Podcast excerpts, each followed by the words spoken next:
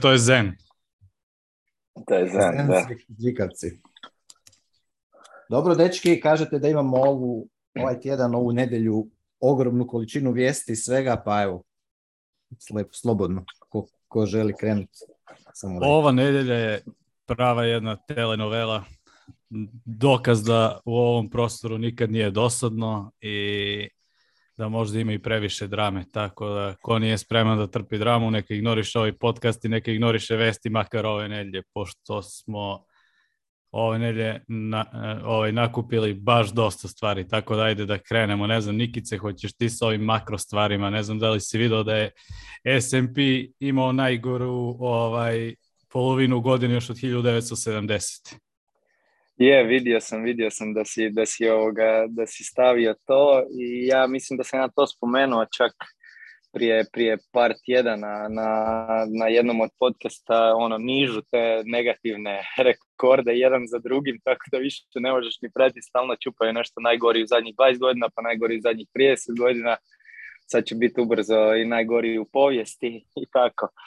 E, da, to, to, to je jednostavno ono, pričamo već, već dugo o, svemu tome, vezano je za inflaciju, za te supply chain issues, općenito, općenito ta neka globalna situacija u svijetu i s tim ratom u Ukrajini nije baš, nije baš najbolja, nije da to pomaže.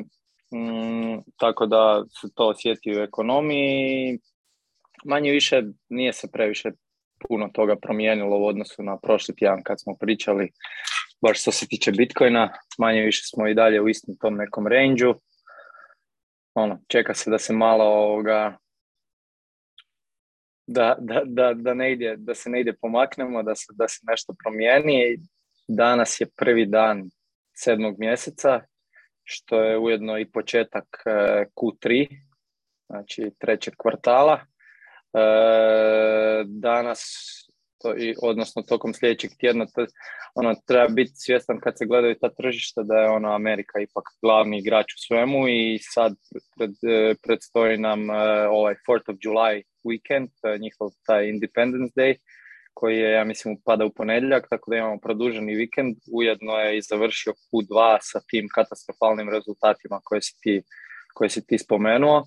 Mm, tako da očekujem da bi tu sad mogla biti pojačana volatilnost. Ja mislim da tokom sljedećeg tjedna će krenuti izlaziti ti reporti o, earningsima tih S&P firmi i, svega toga koji će očito biti ono vrlo negativni i tu će vjerojatno se tražiti od Paula i od Feda da na neki način intervenira i, potakne tržište, ovako više ne mogu, ovo će, ovo, će biti dva vezana negativna kvartala, ali Q1 je isto bio negativan, ja mi za to S&P nije imao jako dugo, nisam sad točno provjerao, ali, ali bi rekao da, to nije, da se to nije dogodilo od 2008.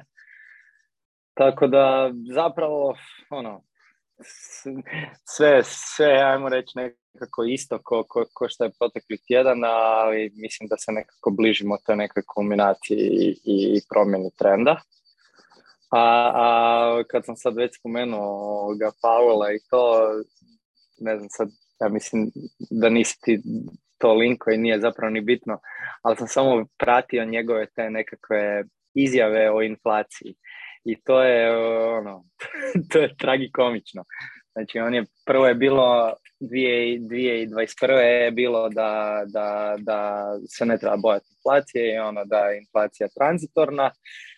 E, onda je izjavio prije par tjedana da ih je ipak iznenadilo da inflacija nije tranzitorna i da će ćemo ostati još neko vrijeme s ovom visokom inflacijom, a sad ne da je, točno to, bravo, a sad nedavno, a sad nedavno izjavio, ja mislim da je to jučer bilo, da su u šoku koliko malo razumiju inflaciju i da će oni iskoristiti ovaj period da ono se kao da, da malo bolje shvate inflaciju i kako to utječe na tržišta i to. I to nam dolazi od nekog koji je vjerojatno u tom nekom financijskom svijetu ono jedan od najmoćnijih ljudi, tako da smiješno. Smiješno, a eto, ono, kratak, kratak komentar o tome. Ali da, da, definitivno je, ono, su, su ovo povijesno negativni rezultati.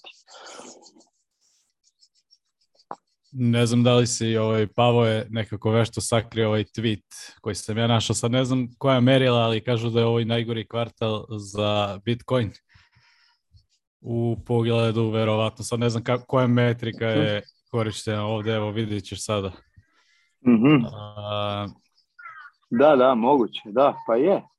Pa je, je, zato što smo mi ušli e, praktički cijeli pad, ja mislim da je top bio krajem 11. mjeseca prošle godine i onda pad nije bio toliko izražen odmah u startu, tako da da, ja mislim da smo ono, taj neki prvi dio pada odradili, odradili u Q1 i ovo je glavnina, glavnina tog pada, ne znam koliko smo, kol, kolika je bila cijena prvog, prvog e, četvrtog kad je počeo ovaj kvartal, ne znam, trebalo bi to pogledati, mogu ja sad zapravo na brzak pogledati.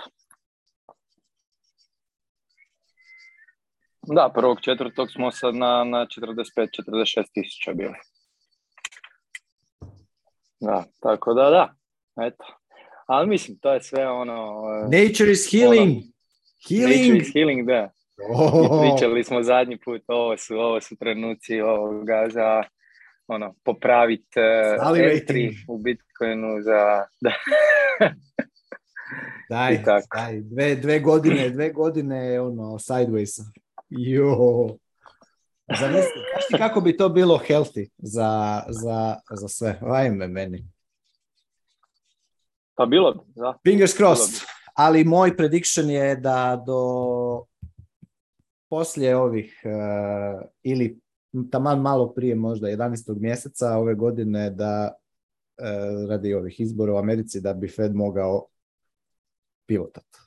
To je moj prediction iako bi volio da, da da do halvinga 2024. ono budemo na 20k.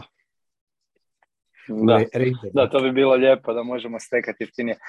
Samo e, da, da dodam zapravo sad kad se to spomenuo, Tu treba razdvojiti ono dvije stvari, a to je to je neku njihovu, to je uvijek problem kad ti taj global reserve currency, znači treba razdvojiti, to, to je nešto što se zove ekonomiji taj trifins dilema, ali ti u principu ono što je dobro za svijet generalno je loše za tvoju domaću ekonomiju i to je užasno teško njima balansirati. I sad ovo što oni rade trenutno je dobro za njihovu domaću ekonomiju zbog toga što zna, mislim, dovoljno je doslovno pogledati dolar graf koji raste u odnosu na sve druge valute u svijetu. E, znači, američko tržište je puno stabilnije od svih ostalih tržišta u svijetu i kad se to sve krene urušavati, taj kapital iz iz manje razvijenih tržišta, s tim da tu ubrajam i Europsku uniju, a kamoli ova puno manje razvijena, će se preliti u Ameriku. Tako da će to njima biti dobro i njima generalno je ok ova situacija kao velikog pada, jer opet koliko god oni pate, oni najmanje pate u odnosu na cijeli svijet, zato što trebamo uzeti u obzir da je dolar reserve currency, da je većina duga većina duga svjetskog denominirana u dolaru, da ostale valute drastičnije devaluiraju u odnosu na dolar, tako da je puno teže plaćati taj dug i sve. Tako da sve u svemu, mm, ono, svima je loše kad je kriza, ali njima je najbolje u ovoj krizi i, i očekuje se još veći priljev kapitala i tako da ono, ja uopće ne strahujem za njihov taj stock market, ali s druge strane mislim da E, na neki način će morat reagirati na ove velike padove. Koliko god bi njima opet iz ovog aspekta što sam prvo ispričao, bi njima isto pasao taj neki produženi bear market, jer što, što drugi više pate, to će, to ajmo reći, se više kapitala, ta tržišta će se uništiti, oni će na neki način više ući u ta tržišta ili će se taj kapital preliko njih, ali isto tako moraju razmišljati na taj te, te svoje bumere ko, kojima smo pričali koji idu u mirovinu ili su već masovno u mirovini, koji imaju te 401k koji su ono puni tih ekvitiza koji jednostavno zbog izbora, da, definitivno ovo što ti rekao, isto ne smiju dopustiti e, da to pada, tako da ja očekujem da, jednako tako, da će, da će oni intervenirati, samo treba imati na umu da ovo njima nije toliko loše. E, to je kratak dodatak koji sam htio na tome svemu. Slažem se, slažem se. Biće interesantno svakako. Bitno da nije dosadno. Da. Ovaj, kad smo kod dosade, kako komentarišete novi predlog EU regulative? Ne znam ko je propratio to od vas. Ovaj, Uh, to mi je nekako zapav, rent, bi ja rekao. Ono, katastrofa. Ma dobro, mislim, moje, moje kratko mišljenje je katastrofa. Ono. Pa mislim, ja ne, evo, iskreno, evo, iskreno ne, meni nije jasno uopće šta, smo, šta su se ljudi toliko uzbudili oko ono deset nekih e, birokrata tamo u, di, di, su oni već u Briselu ili di već, who cares ono šta oni pričaju. Mislim, ako neko, ako uh, je nekoga ovaj, strah ili misli da je ili misli da je u panici i neće koristiti Bitcoin ili neće ono, slat Bitcoin transakcije zato što neki birokrati u Europskoj uniji nešto propisuju ili ne propisuju, onda ono, otkače se od Bitcoina, to nije za, za, za tu ekipu još, po meni. A ovaj, ono, to je, jednostavno smiješno, ne znam šta bi rekao drugo osim toga. Jedino, po, to jest, vidim pozitivno, pozitivne strane, E, u, u tome što će se vjerojatno više ljudi potruditi za, za ono figure out kako, kako maknuti Bitcoin sa exchange kako, kako ovaj, naplatiti e, neku svoju uslugu ili proizvod e, direktno u Bitcoinu i ono zaobići kroz fiat svijet i, i sve je to samo u biti dugoročno reklama za Bitcoin. Tako da go, go birokrati, ono, krenite još, e, daj, molim te, samo mi survejlajte mi moje sve transakcije, ono, good luck, evo, pozivam vas, dođite, dođite i na rab, ja ću vam pokazati sve. By the way, ono, uh, kažem, no, Gigi je napisao članak super, vidio sam da je Pavle linkao to, uh, nisam ga stigao pročitati još, ali, e, čekaj da ga, da tu šeram, Mislim da ono... ja, se, ja se osobno, ono, jednostavno se ne uzbuđujem oko, oko tih uh, ono, pajopataka, to je jednostavno... Ono, ne, znam šta bi rekao. Ono, Bitcoin fixes this. A ako, ako je nekoga toga strah ili ako će ga to ono, odmaknuti da koristi Bitcoin, ono, good for you, i nemoj koristiti, čeka još 10-15 godina, e, onda koristi. To je moj komentar na ovo.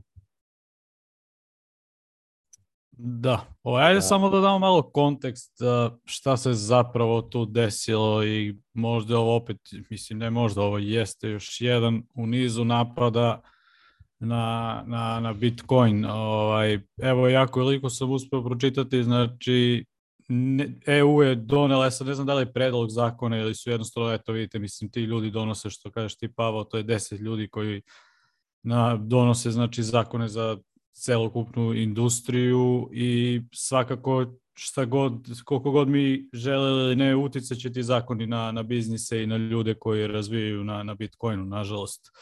I nadamo se će vremenom, mislim, to Bitcoin i ti protokoli očvrsnuti tako da neće ni biti velikog utjecaja tih regulativa, da je ono realno stanje da će definitivno imati utjecaj. Ja sam već imao prilike da razgovaram sa dvojicom ovaj, ljudi koji su tu nešto razvijali, isto njih, njih ovo brine. Znaš, tako da... Ovaj... A zašto ih brine? Zašto ih točno brine? Pa zato što e, to konkretno direkt utiče na njihov biznis e, i na to na njihovu kompaniju, znači znaš, Ali odgovor ti je onda oni... maknut se, znači rastavi kompaniju, nemoj, nemoj ići u Fiat konstrukte, opće, zašto biš imao opće registriranu kompaniju? Neki jednostavno rade biznis kao privatne kao osobe privatne u Bitcoin e, ekonomiji, koja je crna ekonomija potpuno odvojena, ortogonalna od fiat ekonomije. Zašto bi uopće morali imati biznis registriran i plaćati porez i, i ono imati konstantno surveillance na svom biznisu? Jer oni dalje mogu raditi, e, mogu se jednostavno napraviti asocijaciju koja je u slobodnom tržištu, ono, ljudi, njih 10, 15 dođe nazad, pa evo i mi radimo na neki način nekakav biznis, mislim, ne radimo biznis, ne znam šta, ali asociramo se. Jel mi koga pitamo za dozvolu da li nešto registriramo, ne registriramo? Ne, jer zašto bi? Zašto bi, zašto bi pumpali, zašto bi fidali e, Fiat e, državu? Tako da po meni je to pa- ono, da, možda, možda, možda je dečke strah e, za sad u nekom kratkom roku, neće im se ništa desiti sigurno, siguran sam, čisto radi ono inkompetencije, impotencije tih eh, birokrata, jer oni u principu mm, to, ono, to što oni pišu još uvijek se treba uvijek podsjetiti da postoji trodioba vlasti, kako god okreneš, ipak to nije samo tako sustav. To što oni napišu nekakav eh, zakon ne znači da će se taj zakon nužno tako izvršavati strane izvršne vlasti, a nije ni nužno da će se sa strane sudske, sudbene vlasti Eh, u krajnjoj liniji taj, taj zakon, eh, ono, da će, da će to se na sudovima zapravo moć eh, održati. Tako da ima tu još dugo, dugo, dugo puno, puno stvari koje se još moraju razjasniti, ali ono, generalno, bez straha jednostavno se maknuti. Što više se makneš od fiat svijeta, to ti je bolje i lakše. Da, ja mislim, ja se, ja se slažem tu skroz sa tom, samo mislim da mi još uvek kao industrija nismo još uvek tu, znači mi i dalje najveći deo biznisa zapravo koegzistira sa tim fiat sistemima i ono, sama srž njihovog biznisa je zapravo ili konverzija ili onboardovanje novih e, korisnika i tako to, znači menjačnice, raznorazne aplikacije koje ti daju priliku da zaradiš Bitcoin, naš takve neke stvari. Tako da njih to brine. Samo da dam evo kontekst, ja kao krenem da dam pa onda skrenem opet na neku drugu temu. Ovaj, ja koliko sam razumao kaže da menjačice moraju da uzimaju lične podatke svih učesnika bez obzira na iznos. To je bio problem i ovdje u Srbiji, ja koliko se sjećam do pre godinu dana ili možda dve smo mogli da kupimo Bitcoin bez ikakvih ličnih podataka, samo broj telefona. Do iznos 50.000 mislim da je bio. E sada, od ne znam kada, to više nije moguće. I vidim da je to tako i u EU sada ide da jednostavno ćete morati za bilo koji iznos e, ostaviti lične podatke.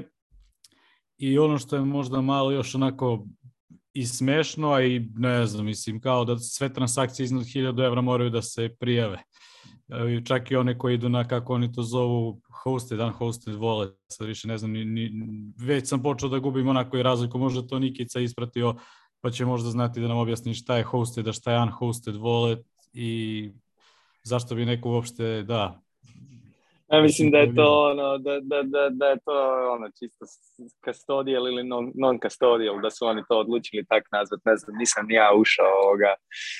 Da, ono, viš, mislim, pročitao se, sjećam se kad sam to prije, kad je bilo spomenuto, pročitao, mislim, mislim da se ovoga, da se tiče toga, ali ja sam samo htio čisto evo, još da se ubacim kratko za sve ovo. Ja se slažem s Pavom i da treba poticati naše da, da, da bildaju cirkularnu ekonomiju i da sve više mičemo od fiat sustava, ali ovaj konkretno slučaj o kojem mi pričamo se tiče isključivo mm, kao što si ti pa, Pavle rekao, mjenjačnica i burze. Znači tih e, onboarding i offboarding e, e, platformi, odnosno usluga i, i tu je nemoguće bez regulative to napraviti, jer čisto ako razmislimo onako ono trivialno kako to funkcionira bez da ulaziš u nekakav ono biznis model nekog, znači ako ti prodaješ kriptovalute, ti moraš, ti imaš, ti moraš imati bankovni račun nekakav mislim pogotovo ako to radiš na nekakoj višoj skali, naravno. Sad možemo ići na to da se treba razviti ekonomija i da to ne treba raditi na, na, na nekoj, kako se zove, većoj skali, ali činjenica je da e, su te glavne burze i u svijetu i u Europi, pa tako i kod vas i kod nas u Srbiji i u Hrvatskoj, su nekakve centralizirane kompanije koje su narasle poprilično velike. Kod nas u Hrvatskoj je najveći taj Electrocoin, e, koji, koji je konstantno među najbolj, naj, najviše rastućim hrvatskim firmama, znači neki niz godina. I sad, nije bitno sad točno, nego da se vratim na zapravo poantu ovu koju sam htio reći. Ti moraš imati nekakav bankovni račun na koji će ti sredat sredstva ljudi koji, koji kupuju uh, kriptovalute.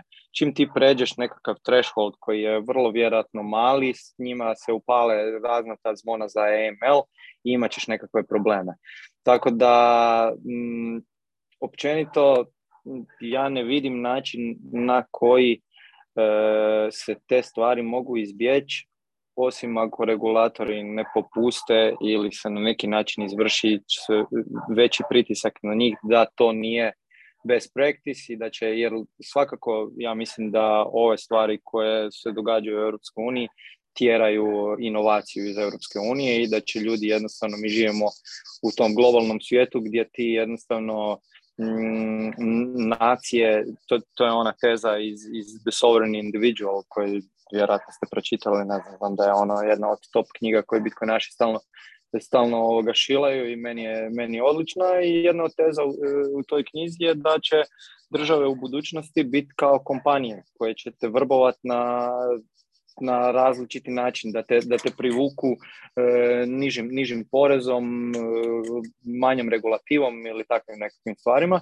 I to je to i Europska unija na ovaj način po meni doslovno tjera, tjera ljude koji žele raditi takve stvari, a protive se e, ovim striktnim AML e i KYC, anti aml i KYC ovoga E, regulaciji da, da, da u principu ono ne, neće to htjeti raditi. Jel da, mislim, ovo je grozno. Oni, dok Amerika s jedne strane ide E, onaj prijedlog, to smo spomenuli, ne znam, prije dva ili tri tjedna, e, od one Cynthia Lumins, onaj njihov proposal da se recimo Bitcoin transakcije do 200 dolara su tax free i ne moraš ih nigdje prijavljivati i to ovi pak idu na potpuno suprotnost da sve što je iznad 1000 eura moraš moraš prijavljivati, a da ne kažem da ti uzmu ono doslovno krvnu sliku kad se prvi put registriraš na, na, na njihov exchange da bi kupio ili, ili prodao. To, tako da jako je negativna vijest, ali ja ne vidim način na koji se to tako jednostavno može promijeniti. Da, lepa definicija da će države biti dobre i da će svima gledati da ugode i da nam svima bude dobro.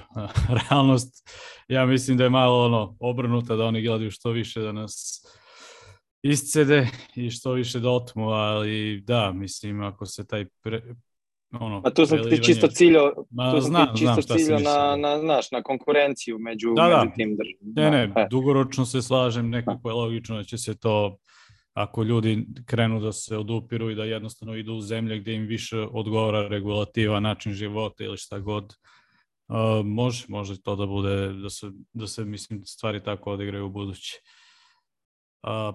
Pavo, imaš još neki komentar na ovo ili hoćemo da krenemo na, na ove drame ovih centralizovanih? Da, ako Europska unija, odnosno eurozona do 2030. 30. uopće bude tu, evo ja sam reći ću da sam ja pajo Tako da e, i dalje ne vidimo oko čega se ljudi sekiraju. Ono, stekajte Bitcoin i ako vas brine privacy, mi ćemo vam pokazati par tehnika kako možete dignuti privacy. Sasvim dovoljno da se, da se maknete od ovih pajopataka birokrata, ali još bolje, uopće se ne možete sekirati oko toga. No, sek, no sekiriki. Evo, toliko. A sada ide ova sekcija televiza prezenta, odnosno šta je to ovaj, dramatično, šta se to dramatično desilo ove nedlje i ovaj deo će biti, ja mislim, o centralizovanim ovih landing platformama i njihovom padu i generalno riziku i nemarnosti i na, bukvalno, ne znam, na vazduhu na kome funkcioniš ove kompanije i ajde mislim da krenemo lagano redom. Evo ja ću otvoriti temu pa vi dodajte šta ko hoće. Ovaj, pričali smo u prethodnom podcastu o Blockify-u i toga da su dobili bailout of, od FTX-a, jedna od najboljih, najvećih menjačnica u, u industriji. Dobili su 250 miliona kredit, a ove nedelje navodno ih je FTX kupio i informacija je prva bila da je Blockify prodat eh, FTX-u za 25 miliona, iako je njihova evaluacija bila negdje 4 za skoro 5 milijardi. Tako da je navodno prodat za 99% manje svoje vrednosti. Je sad ovo otvara gomilu nekih pitanja. Prvo, još uvijek nismo sigurni da je podatak tačan, zato što je CO e opovrgnuo ovu tvrdnju Druga, ono, vrlo interesantna stvar je kako se uopšte radi evaluacija ovih kompanija i ko, uopšte, kako dolaze ljudi do ovih broj, brojki i kako se to odjednom sad u celoj industriji smanjuje. I treće, šta radi FTX? Zašto kupuju sve žive lending platforme? Nikice, ti si tu imao dobar komentar prošle nedelje i mislim da si dosta dobro i, e, pogodio šta se tu dešava a i da li mislite da oni sebe možda pokušaju da izbave kupovinom ovih kompanija jednostavno svoje, svoju, svoju platformu i svoj obrt kapitale, ove platforme uglavnom njih koriste za kao market makere, znači likvidnost dobijaju uglavnom i od FTX-a, tako da ne znam, ovo ovaj, ste ispratili šta se dešava uopšte oko ove Blockify drame, ajmo da vidimo. Pa ja sam pratio, ja sam pratio, mi je to smiješno, ovoga, i da, o, što si rekao, samo bi dodao da je to bilo prije godinu dana kad su oni bili valuirani na 5 milijardi dolara. Znači ne ono prije ne znam koliko, nego prije doslovno godinu dana i kad su oni radili, to nije bilo da oni su bili procijenjeni na, na 5 milijardi kad su oni radili zadnji rejs. Znači netko, oni su skupili nekakav kapital po toj valuaciji. Neko je njima zao, mislim, ovo šta se sad piše, Pompliano je bio jedan, jedan od tih koji je ušao u toj ovoga, e, u toj zadnjoj evaluaciji i ti ljudi su doslovno prošli ono ko da su uložili u Lunu ili tako nešto, jer su sa 5 milijardi u godinu dana pali na 25 milijuna što je, ja sam, jučer je ta vijest izašla, a ja sam jučer ujutro pročitao da, da im evaluacija pala sa 5 milijardi na 500 miliona i onda je ova vijest popodne došla da ipak nije 500 miliona nego da su kupljeni za 25 miliona.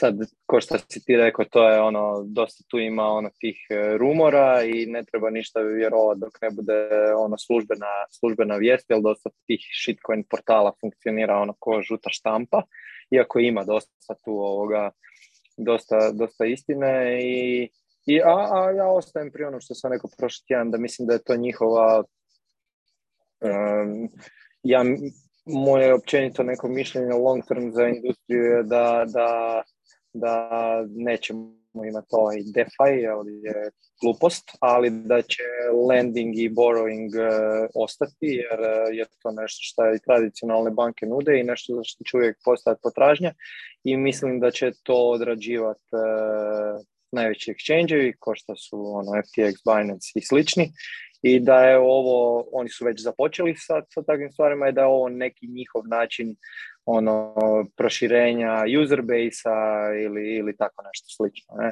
Ili i možda će ono zadržat, e, kako to najčešće bude, zadržat dvije odvojene firme e, gdje će FTX provajdati cijeli liquidity tom mm, blokfaju koji će i dalje biti ono, u njihovom vlasništvu.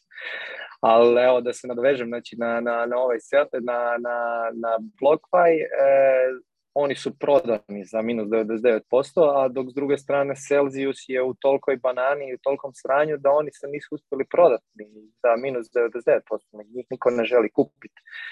I sad su izašle opet neke neprovjerene ovoga informacije, ali meni je to doslovno nevjerojatno ako je to netko radio. Mm, ja mislim da sam linkao negdje, ovoga, ja sad ne moram šerat jer, sam na mobitelu, ali da ima thread od ovog jednog e, koji je napisao da su oni zapravo od 2018. godine funkcionirali na cash-based accountingu. Što znači da su kad bi im netko ušao u njihov sustav, na primjer 2018. da je cijena, cijena Bitcoina bila, e, bila, imaš baš u ovom tredu, e,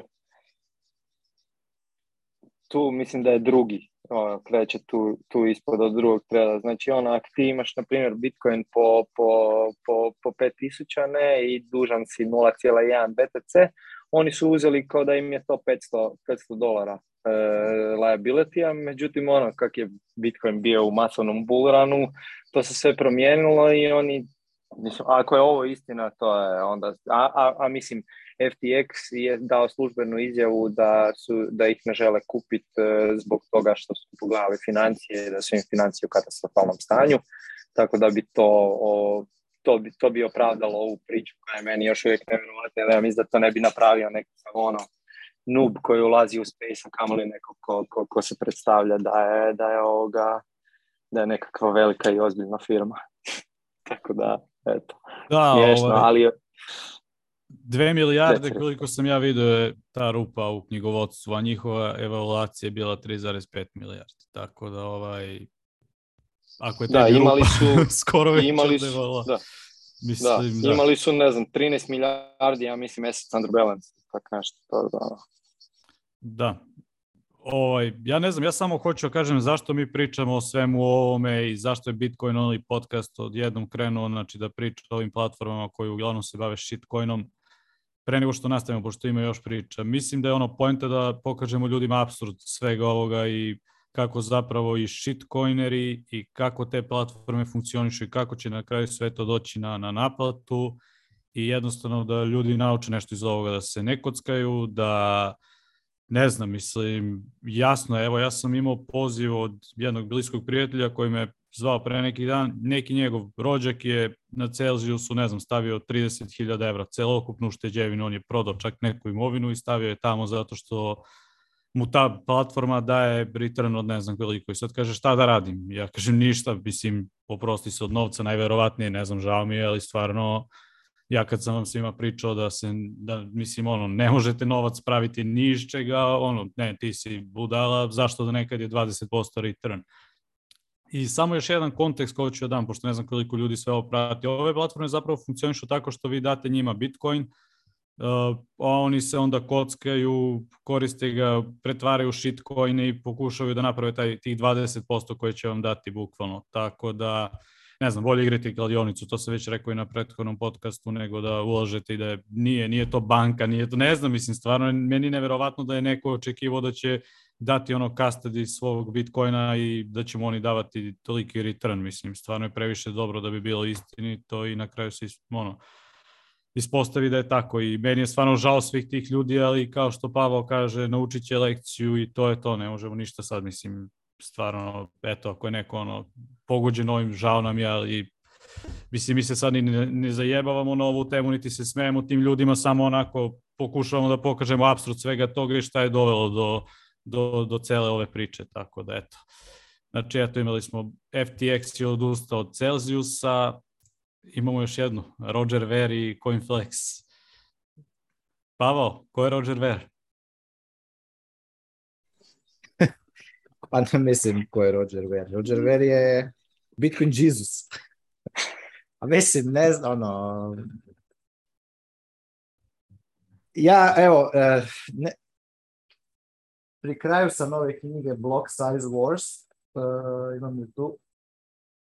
I mislim da je kod te ekipe, na ubiti, nije, mislim, eh, ne, ne znam šta bi rekao. E, da li je taj čovjek svjestan svega što radi ili nije.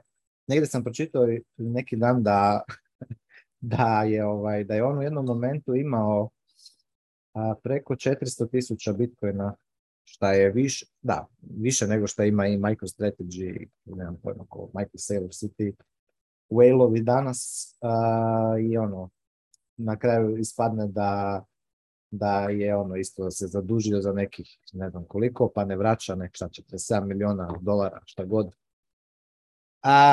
ne znam, ono, ne, nekakva suština tog njegovog e, libertarian pogleda na svijet, ja se s njom slažem, s druge strane, ne slažem se sa načinom na koji se to, na koji on to odlučio ovaj, manifestirati, ta svoje uvjerenja, zato što e, to je ono kako se kaže kod nas u narodu, nemoj se ići, ne idi se sa rogatim bost, nemoj, e, nema, nema smisla se boriti protiv države koja ima monopol nad, silom,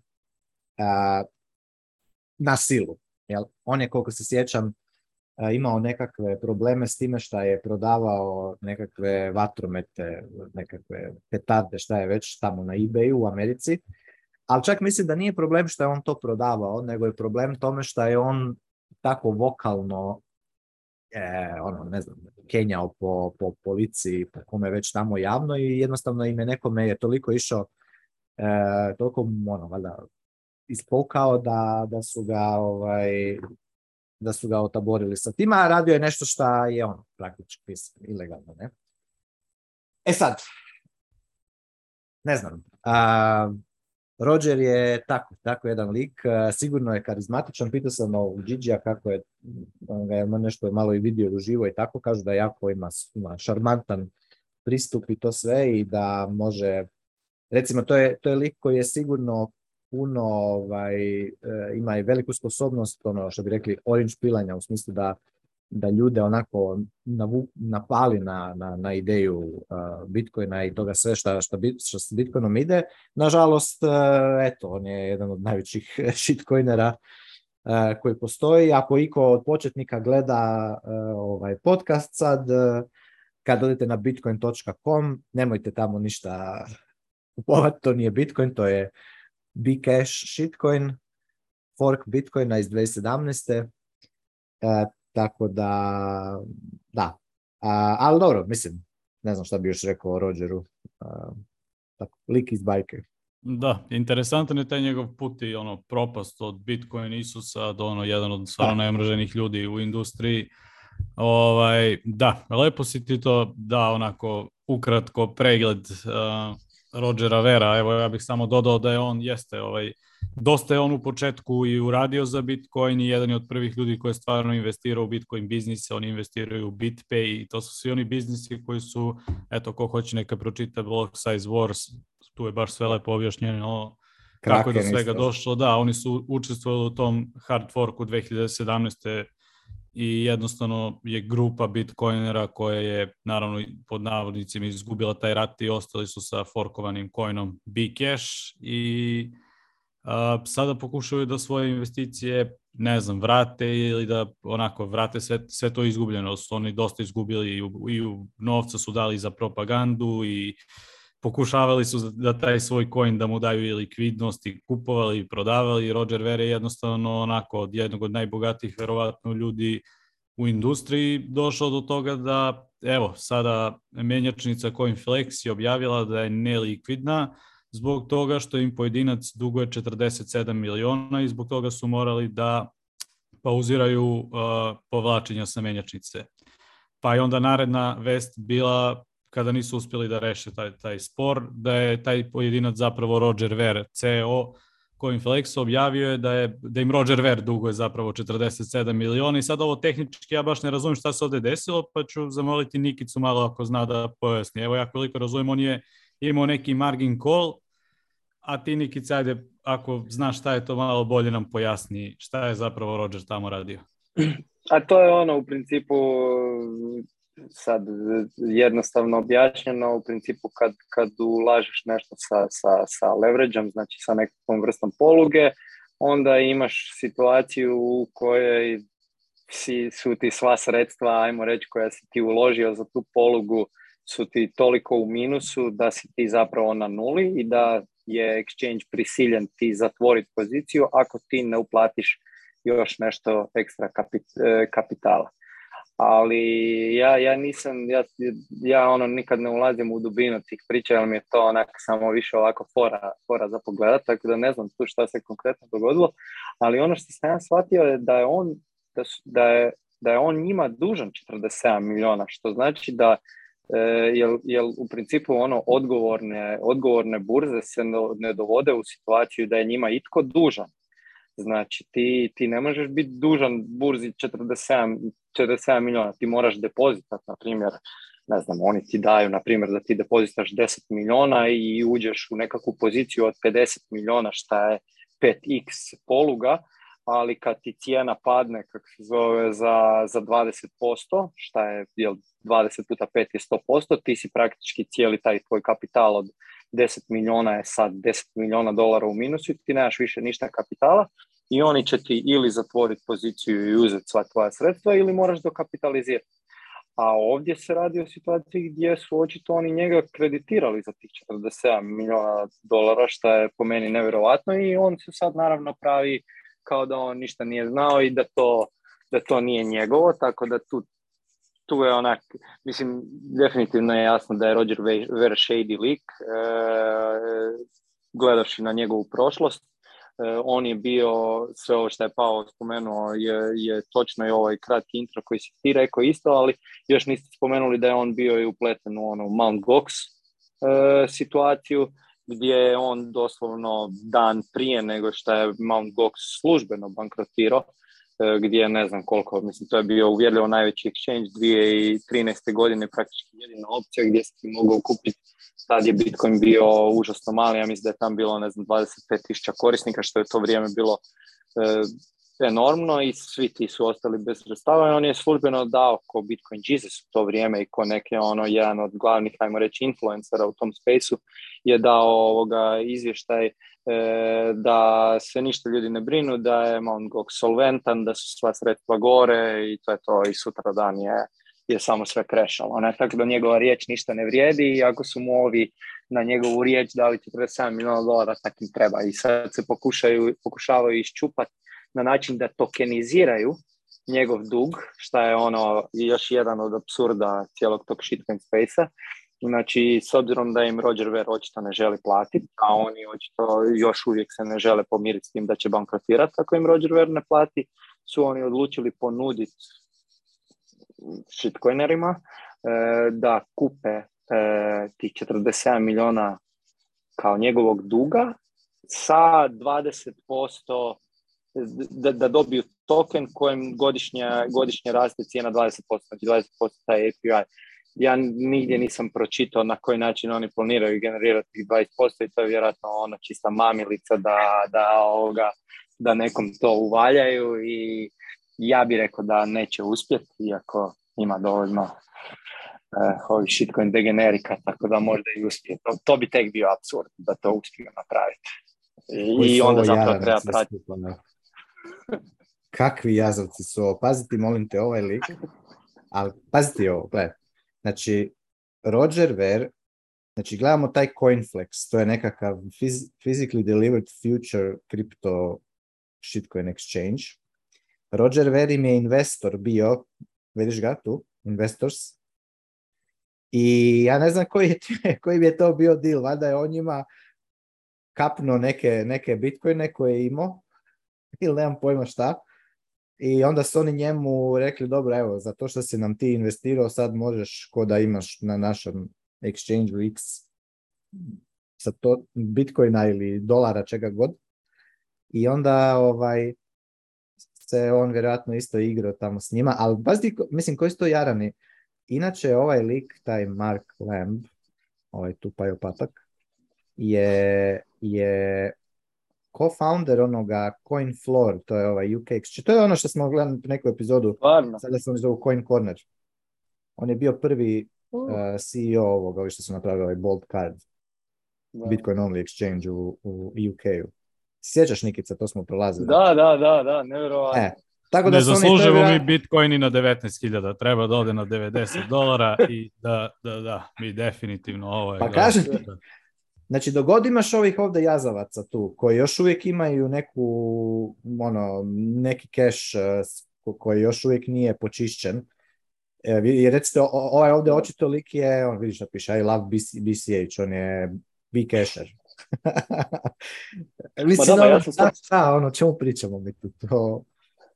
Mislim, ja sam 100% siguran, čisto da to napomenemo, da, mislim, 100% siguran, moje mišljenje je, da, da tako kažem, da Eh, je ti 47 miliona eh, dolara duga koje je Roger Ver napravio bio free money koji je Coinflex njemu dao, eh, točno to kako si ti rekao, on je njihov investitor, pa su mu oni dali da barataju slom, ali ono na što ciljam je da je on sigurno to uložio u pumpanje Bitcoin Cash.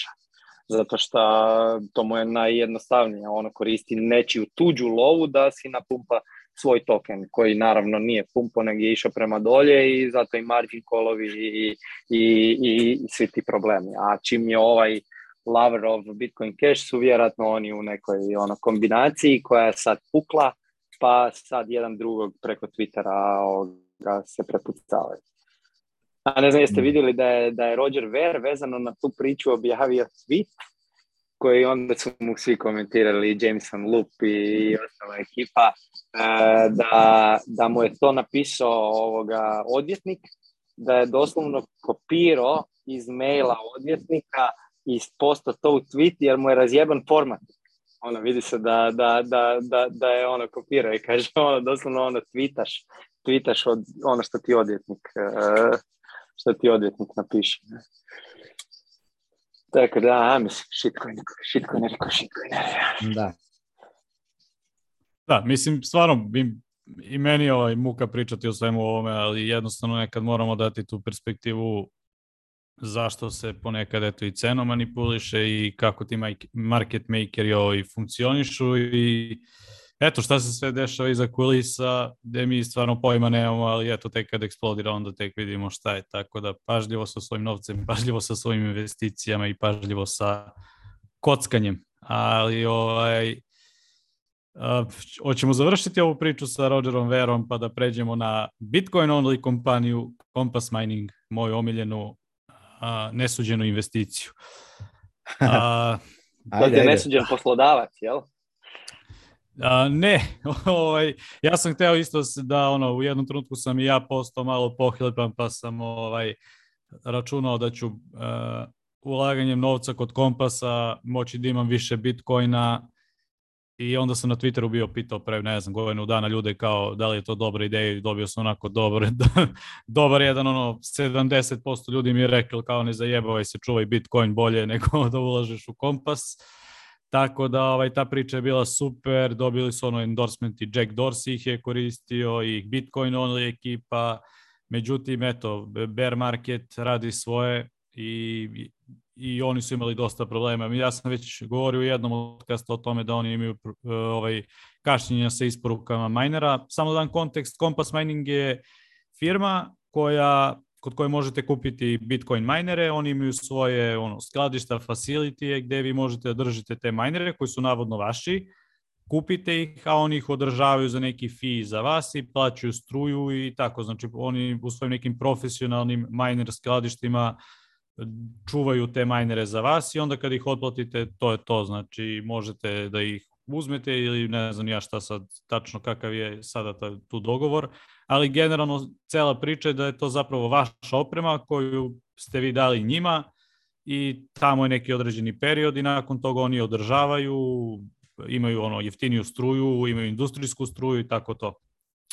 Tako da cela ta priča je bila ok, interesantna, ko hoće da mu miner pravi buku u kući i da pravi račun za struju, kad može jednostavno dati novac koji je hteo da uloži kući, date ga kompasu, oni te majnere ne znam, daju u Kazahstanu, Rusiji ili gdje god, u skladištima opet nekih trećih ilica ili trećih strana kompanija koje će te majnere hostovati za vas u vaše ime.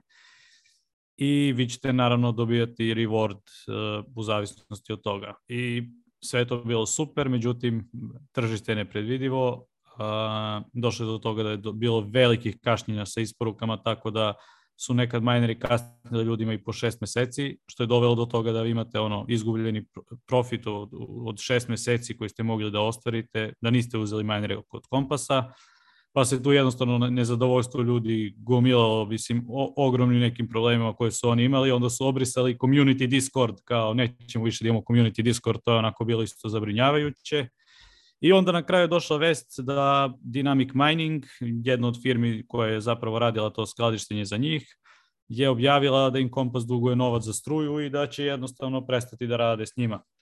I onda je tu već počelo da se špekuliše o ovaj, likvidnosti kompasa, da sad ne davim baš tim detaljima. Generalno to je kulminiralo time da Vit Gibbs, CEO kompasa i Judy Fisher, ja mislim, CFO su jednostavno se povukli iz firme i kao navodno je bio narušen ugled firme i meni je bilo interesantno, evo ja sam ovdje stavio u, beleškama da je interesantno zato što se CFO povukao, je zato što je Judy dosta kratko bila u firmi, tako da ona vjerojatno nije ni imala preveliki uvid u financije ili je vidjela na vreme da to sve ide gdje ne treba pa, pa je rešila da se povuče ili ko zna, ali kada vam ide CF po imate financijske probleme, nije baš dobar znak generalno za ljude koji su koji imaju svoje majnere u, kompasu, mislim. Eto, i bila interesantna priča, ali mislim da ovo sve opet vodi na ono na self-hosting i na to da kada drugom date kontrolu i drugome date da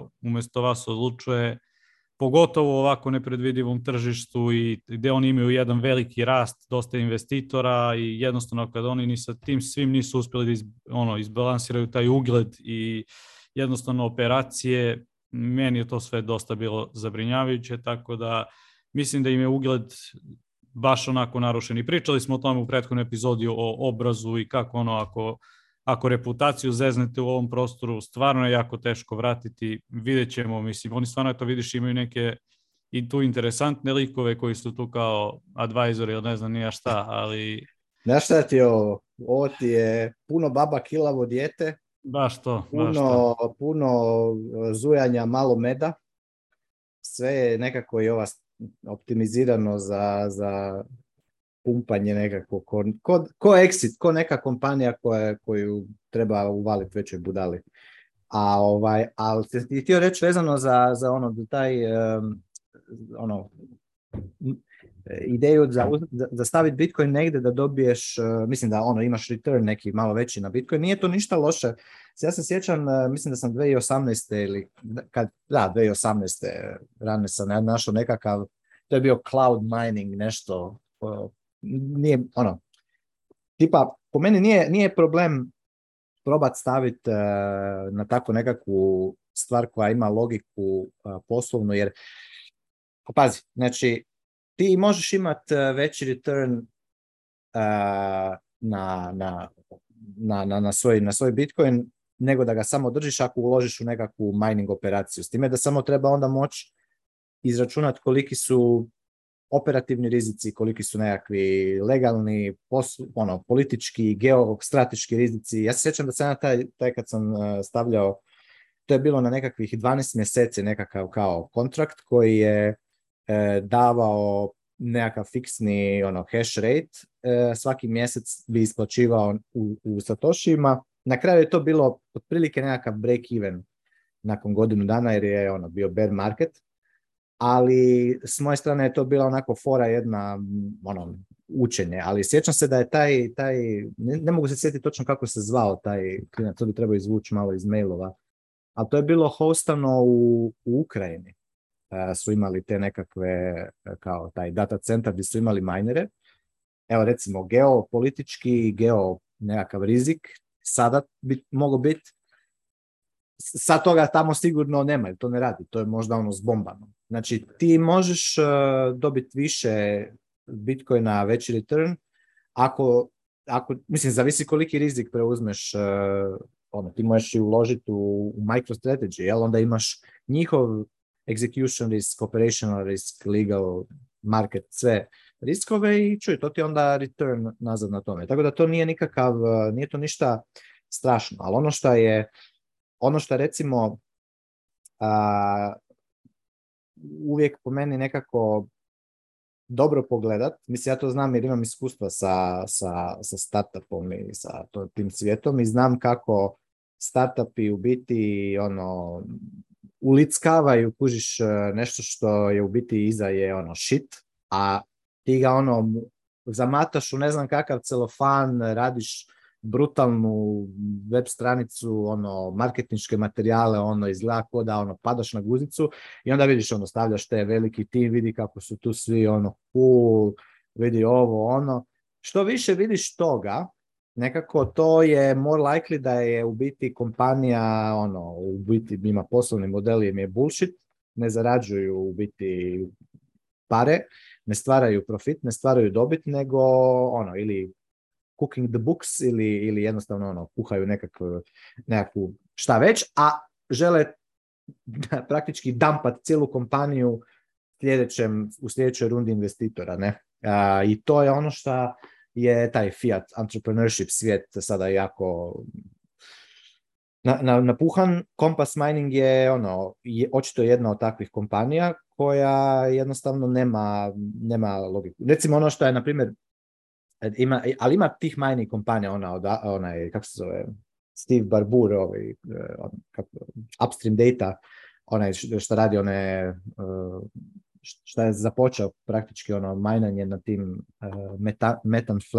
na, na ovim mjestima gdje se eksploatira nafta i zemni plin E, takve stvari, ali recimo oni nemaju, ono, ne, ne traži investitora, oni ne moraju, oni bi mogli da, im je to cilj, e, ono, nabrijat ljude za, za, za dampat e, kompaniju i exitat cijelu stvar neku, u nekoj većoj kompaniji, oni bi definitivno uložili puno više i u svoj marketing i u stranicu i u tim i ono, hajrali bi ove sve te influencer šta već i to bi sasvim drugačije izgledalo, ali po meni takve kompanije koje nisu onako full, um, koje nekako izgledaju under the radar, to, to su ono što, to su ono što je di vrijedi nešto se uložiti. Tako da, ali dobro, mislim, ništa tu loše na kraju nije. Kažeš, nik, e, Pavle, ti na kraju nisi ipak nisi uložio u, u Nisam, ja uvek slušam Twitter šta mi kaže kako da živim i kako da investiram, tako da ovaj, hvala Bogu, spasio me Twitter ovoga puta. Znaš, ja, nema tu ništa loše da svako nas želi da ono, ima više Bitcoin ili bilo koje druge investicije. Problem je u tome kada malo kreneš da ono, misliš pohlepno kako je to sve super i kada daš kontrolu svog novca nekom drugom i opreme. Znaš, e, a opet treba imati na umu da je uspeh svega toga opet zavisi od cene Bitcoina, realno. Tako da ponovo je rizik ono isto kao da ti čuvao taj Bitcoin ili naš ono, dao ga nekome na par godina da ti on nešto napravi od toga, opet će tržište tu ono, može da ti napravi Tako, haos da. i dosta je veći rizik. Bolje da ti to čuvaš dugoročno nego da sad ono kratkoročno pokušavaš neki gain da dobiješ, a previše je tu rizika, pogotovo kada daješ nekome kontrolu nad, nad svojim financijama, opremom ili bilo čime. Baš onako u, ovom, u ovoj industriji je dosta to rizično, tako da ja ću se kloniti bilo kakvih investicija ili razmišljanja o, njima, tako da eto nekako sam ono naučio lekciju, iako nisam na kraju ono ništa investirao, ipak je na kraju sve to i bilo i previše i skupo, ali bitno je da sam ja ono krenuo da razmišljam u tom pravcu i dobro je što nisam na kraju se odlučio za to.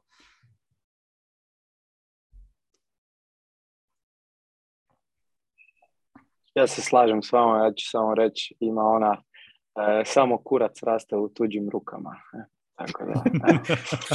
Kakve su ovo? Ovo je narodna isto, a? Ovo je Jedna narodna, da. ajmo, ovaj, ajmo dalje onda. Obrisat će nam YouTube nalog. Ovaj, da, ajmo dalje. idemo ponovo, jedna vrlo kratka drama. neko je došao do ugovora koji Coinbase nudi ljudima to jest kompanijama da deli geotracking podatke svojih korisnika i mislim da ga dele sa imigracionim i još nekim u Americi, tako da jednostavno ponovo opet priča o ono, velikim entitetima moći koji imaju gomilu vaših podataka, klonite se toga, zato što eto što oni rade s njima. Mislim, njima je cilj da svaka Bitcoin transakcija bude KYC, da svako se zna ko kome šalje i da jednostavno država ima kompletan uvid u sve, sve transakcije ko šta radi, što je naravno nemoguće, ali oni to pokušavaju i taj, to njihove pokušaj narušavanja privatnosti i uništenja Bitcoina ponovo im se odbija i ja ću, jedva čekam naredni podcast kada ćemo ponovo gledati njihov ovaj, Uh, cene njihovih deonica i kada ću ja slaviti svaki pad Coinbase. Eto, toliko od mene. Ne znam da li imate komentar na to deljenje podataka. ha. Play stupid games, win stupid prices. Uh, Coinbase je... Mislim, Coinbase je ono definitivno entry point za puno ljudi u Americi, pogotovo jer ono, ne treba zaboraviti da, da Amerikanci nemaju, recimo, oni nemaju pristup isto puno tih exchange retail investori barem, mislim ono, za Bitcoin. S druge strane, opet oni imaju isto i puno tih Bitcoin only servisa. A šta ja znam, ljudi će naučiti na kraju krajeva. A opet ne treba zaboraviti da je 80% ljudi ono po defaultu ima ono mentalitet ovce, tako da ih da im kažeš gle ono znaš ti da ti ono to što ti imaš Coinbase account i to što tamo držiš e, svoje shitcoine i nešto malo bitcoina, znaš ti da ti to može, mogu pratiti tamo kad prelaziš granicu i to, pa bi ti oni rekli, pa dobro, što ti to nek me, nek prati. Government harder, de, to bi ti rekli. To bi osjećali u duši. E, tako da, e, to će se isto. Zato ja kažem, ja držim fige za dve godine, ono, 15 do 20k bitcoina.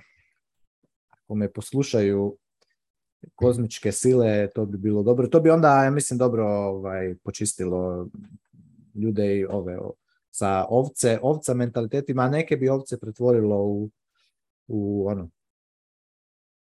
u slobodno misleće e, ljude, a ne, ne ono, ovce. Da, samo neka ljudi misle kada daju ono, svoj novac nekoj firmi koja narušava osnovna prava ljudske slobode kao što je privatnost, dobro razmislite da li će se to vratiti vama nekada i koliko ljudi zapravo vi ugrožavate time ovaj, što i vi širite i svoje i njihove podatke. Jednostavno nemojte, nemojte uopšte ni da, da ne znam, dajete novac takvim kompanijama. To je neka moja preporuka. Ako možete, imate dosta Bitcoina onaj biznisa koji Evo, to je odličan tweet, da. Ovaj, Francis je tweetovao o malo sporijem, ali stabilnijem rastu Bitcoin startupa i eto, ako neko hoće od vas možda može da iskomentariše uh, tweet. Da, mislim, evo, to ti je, ovo što on radi, to je super, on to radi već dugo vremena i na jednoj većoj razini. Ja sam to na neki način, ono, svojoj grupi ljudi koje znam, ja im razmijenim Bitcoin ono, u cash, kad meni treba cash, fiat cash, kad njima treba Bitcoin, tako da, onako, na jednoj vrlo familijarno prijateljskoj razini i to pomalo to ono se je više ljudi, ali to su sve još uvijek brojke koje su jako male, koje su više meni nešto sa strane. On je, on je ovaj, i cijelu ono, i, i firmu napravio i tako dalje. Dobro je to što rade, to je kao, nešto kao kod nas Nikica, on, ovaj, Electrocoin, samo Bitcoin only, jel? Oni nemaju, to je non-custodial praktički broker. Da, to je brokerage čisti, da. Da, brokerage. I to je super jer e, da, on sigurno ima više mu treba vremena da svakom tom customeru objasni kako da koji vole da koristi, zašto i kako se to radi, kako da bude siguran, ali to je ono dugoročno, dugoročno way to go, jer e, mm. sigurno exchangevi, znači mjenjačnice su bez daljnjega to je najprofitabilniji, naj, e, najjači poslovni model u, u Bitcoin svijetu trenutno, čisto iz razloga što to pruža najveću vrijednost. Jer najveća vrijednost je ljudima da moraju na neki način onaj fiat kojega imaju ili u gotovini ili na bankovnom računu ili zaključan u nekakvoj dionici ili čemu god, oni ga moraju moć na neki način staviti u Bitcoin i natrag ako im, ako im treba natrag.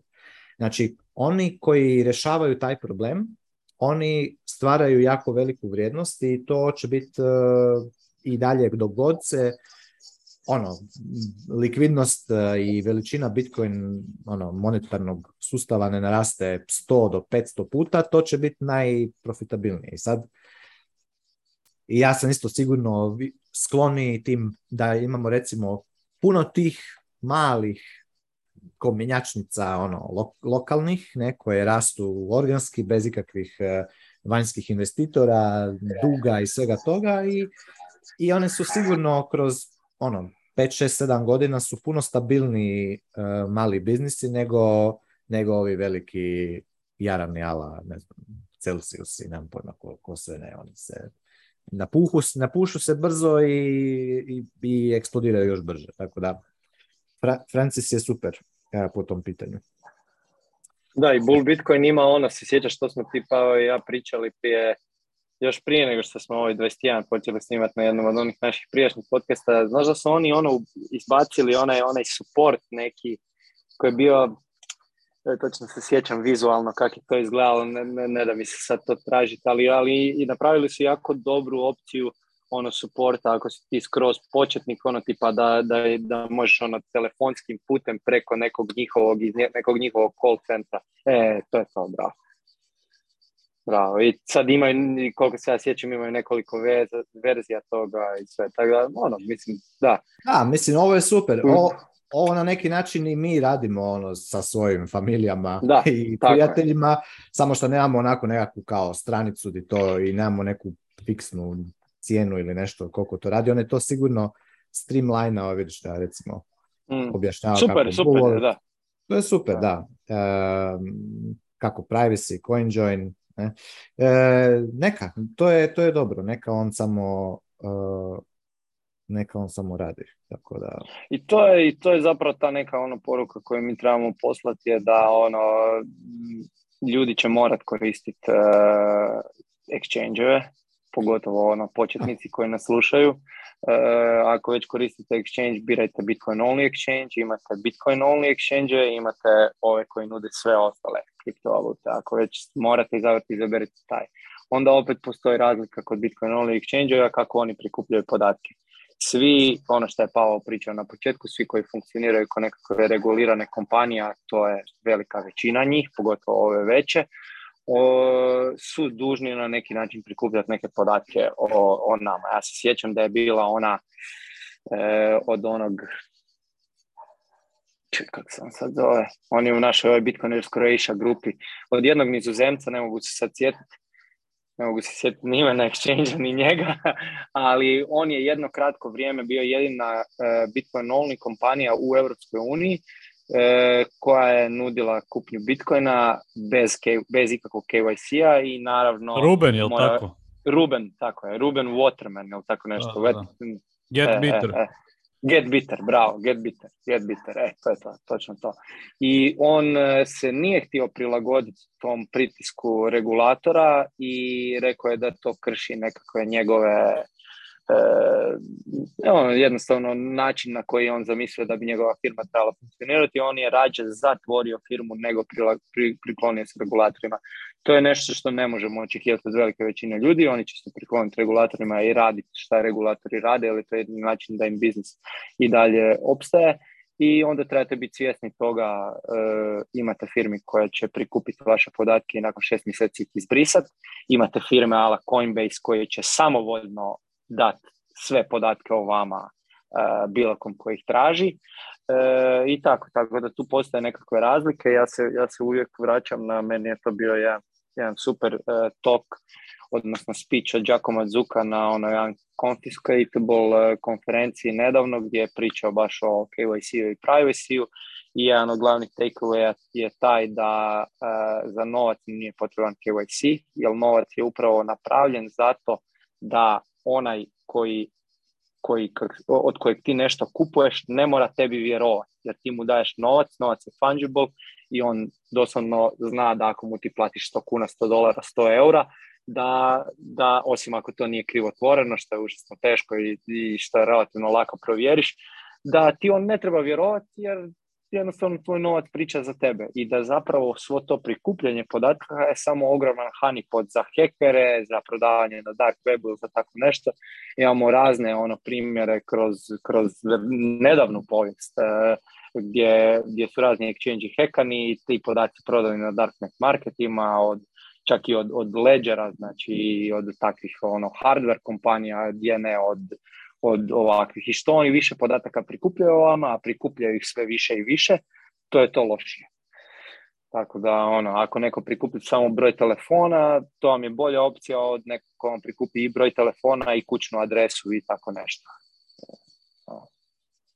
E, to je moj kratak dodatak na cijelu tu Mislim, e, ja se, sjećam se kada je Seyfedin na jednom seminaru ovako malo off, e, ono, off the record pričao E, on sad do nedavno je bio u Jordanu, e, tamo je živio mislim godinu dana ono, iz Kanade je otišao u Jordan, pa kraljevina Jordan na Bliskom istoku. I onda, na primjer, tamo je, što je to kraljevina i općenito je, nije ono ovaj, demokracija e, i to uređenje, tamo, te, tamo je država, ajmo reći, jedna desetina veličine države u Europi, ne bilo koje.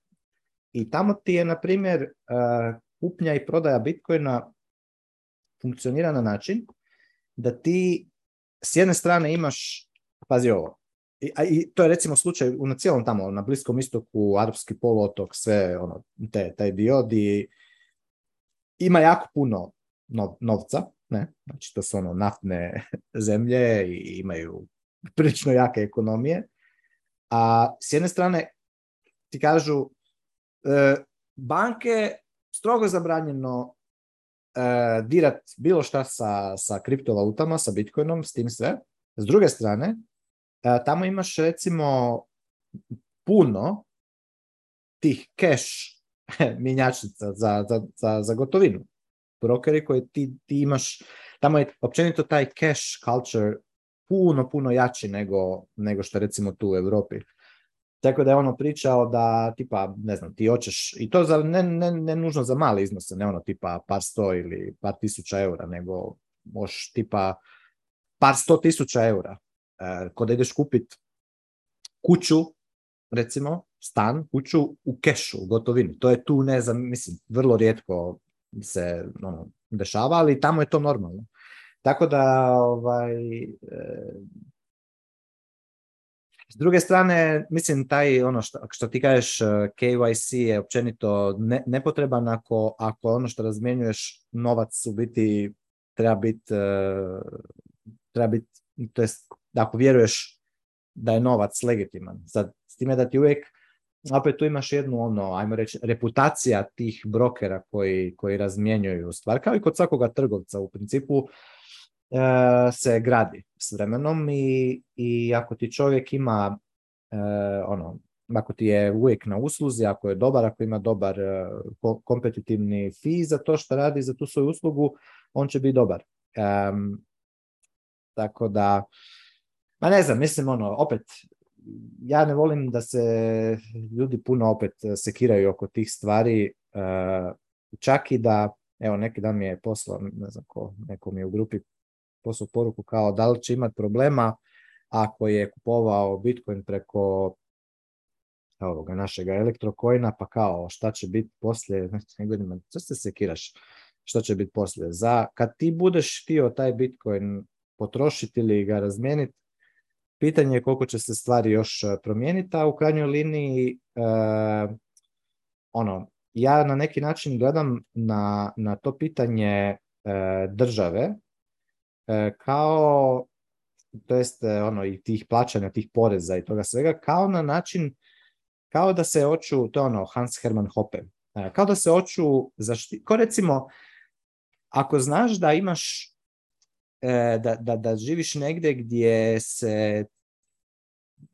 događaju krađe, recimo, relativno često ili češće nego što bi to bilo za tebe ono prihvatljivo onda ili se makni od tamo ili uloži više u zaštitu. Znači jednostavno stavit ćeš e, lokot na vrata, napravit ćeš nekakvu zaštitu svoje imovine, e, platit ćeš za zaštitu svoje imovine. E, države su samo jedna ogromna sistematizirana ono, kriminalna organizacija koja mi kao pojedinci se trebamo osvijestiti tu stvarnost E, trebamo svijesti da niti jedan individualni birokrat nema nikakve loše namjere. On samo ono, radi to što radi, ne zna za bolje.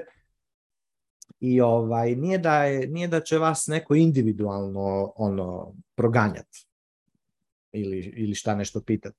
Nego je više stvar u tome što se mi kao individualne osobe moramo naučiti maksimalno zaštititi od tog kolektivnog predatora koji je, koji je država. A Bitcoin nam to apsolutno omogućava.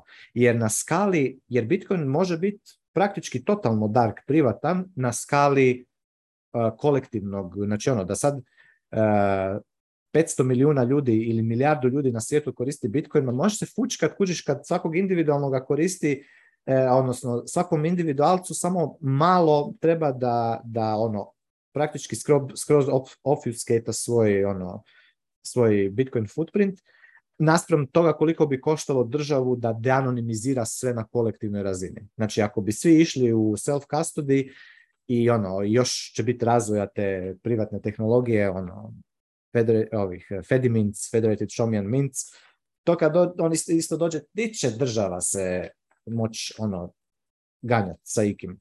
Doći će nam sada na seminar od Cefidi na Giacomo Zuko, pa ćemo baš malo komentirati vezano za tu pitanje privatnosti i, i KYC-a i, i toga svega.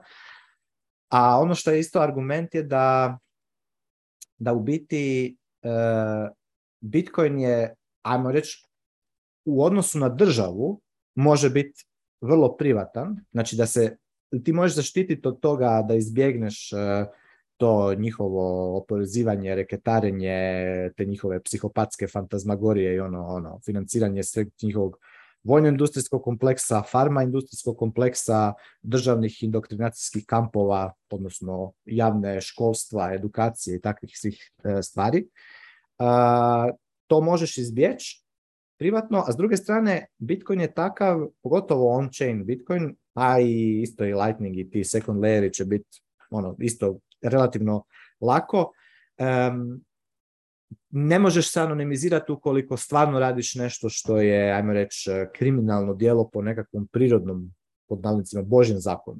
Recimo, krađa. Baš je bio ovaj Paolo Ardoino uh, e, iz uh, Bitfinexa, CTO Bitfinexa koji ono, su napravili Tether i oni su bili hakirani 2016. Jel? To Nikica je bilo Bitfinex je bio hakiran, ne znam koliko su im Bitcoina ono eh, haknuli, ali on je rekao baš... Ček, je to, prosti, je to ovo nedavno šta, su, šta su ulovili ovu curu i dečka e, koji su, da, mislim da, je. E, to je baš... 4,6 milijardi dolara, tak neka ono, velika ali pazi, to je, to je baš ono full bio interesantan put, baš smo ga slušali, ono, lik je, stvarno je, lik je, ono, genijalac, eh, totalni, ono, taj CTO Bitfinexa. I nisam ni znao da, koliko oni u biti imaju E, šta oni se rade, oni recimo su sponzorirali sada ono u Švicarskoj, u Luganu, onaj taj e, nekakav Freedom, kao plan, plan, plan B, nekakva kao forum, nekakva ono, konferencija kao za, za podizanje općenito tih svih sloboda i toga svega u Švicarskoj tamo. Mislim da su oni da su oni uveli legal tender u Luganu, u Luganu, u da, U i da je to baš sponzorirano njih. Da. da. Ali šta sam htio reći, rekao je onda vezano za to, za privatnost Bitcoina i ono, e, tu cijelu stvar, znači oni su toliko, znači znaš ti koliko su oni uložili vremena i rada u, znači od kad, su, od kad su im to hakirali, da to retrivaju, da nađu di su ti coinovi, jel, koji su im maznuli i, i na kraju su uspjeli, Znači, bez obzira koliko su ovi ono, pokušavali to sakrit, e, rekao je on da zapravo s vremenom ti je sve teže sakriti. Ti ako imaš, to je, taj, to je ta karakteristika Bitcoinovog blockchaina i te njiho, toga što ti imaš taj rekord cijelo vrijeme. Što ti čak i sa, znači ako, ako nekome se ti uze, ukrao novce i taj neko je ono bent za to da ih vrati natrag, vratit će ih natrag. Nećeš moći toliko niti coinjoinat, niti nemam pojma šta sve napraviti da bi mogao da bi mogao, pogotovo s vremenom, jer s vremenom ti coinovi ono, rastu u, u, kupovnoj moći i, i jednostavno su, da, hoću reći, da je interesantna ta karakteristika sa, oko Bitcoina. S jedne strane možeš biti privatan protiv, e, ono, da se zaštitiš od e, tog surveillance države, i za to ti stvarno ne treba puno. Trebaš samo naučiti e, ono, hold your own keys, uh, kužiš, ranaj svoj, svoj node, Uh, ako šalješ negde nekakav veći iznos, ono, routaj to preko, preko Tora, on on routing radi i ti ćeš u principu moći biti privatan. Države nemaju one, nemaju one kapaciteta za mass surveillance na ovoj, znači Bitcoin, na toj razini. Bitcoin je flipao taj, taj ekonomski model gdje je državi puno, puno skuplje na kolektivnoj razini surveilat, a puno manje dobije za natrag. A to je druga, obrnuto je bilo u fiat, u fiat sistemu.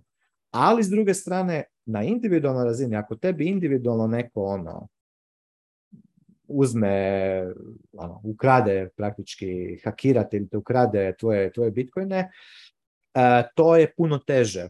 Od toga se puno teže anonimizirati. Nije baš ono, pogotovo ako te neko baš targetirano ono, traži nazad. Šta recimo slučaj sa Bitfinexom, oni su uspjeli retrivat sve to uh, nazad. Tako da, eto, više ako je Bitcoin super stvar. Rješava sve probleme. da. A, ne znam da li ste vidjeli tweet Jamesa Burnie ili kako se već čita prezime a, brata Vila Burnie, ja mislim. Ovaj, ako može neko da šeruje, baš onako daje dobru perspektivu. Mislim, ja se slažem s tom njegovom perspektivom šta je Bitcoin. I... Ovo? Mhm. Da. Mhm. Kaže, kako, kako se zove pozicija gdje shvatiš da je monetarni sistem pokvaren, gdje shvatiš da, su, da je većina blockchainova zapravo eksperimentalna i da je Bitcoin a, najkonzervativniji i najsigurniji po dizajnu. I onda priča dalje kako o shitcoinima, o kako se, znaš, ono, research na drugim coinovima radi i kako mi kao bitcoineri ne preporučujemo baš uvek svakome da uvek kupi bitcoin, bla, bla, bla, ima baš dobro ta pozicija s kojom se ja slažem njegovom onako malo opreznija i možda malo više onako s tehničke neke strane, više nego filozofske, zašto još uvijek treba biti možda malo oprezniji, kako to sve onako podesiti rizik kako treba recimo kada pričamo o Bitcoinu. E, ukratko nije nešto mnogo dug tweet, tako da eto, kome, ko je onako može da pročita, stavit ćemo u stavit u notes ili u komentaru u, da, u opisu podcasta. A nevezano za to, ajde imamo još par ovih nekih manjih brzih stvari. Da li ste vidjeli Gerija Genslera, predsjednika SEKA, šta je izjavio za Bitcoin? E, da je jedini ko komoditi, jel? Jel na to ciljaš da, ili, ili da, nešto da, da. Da, da, da. A dobro, moj... to on je pro, Bitcoin od starta, jel?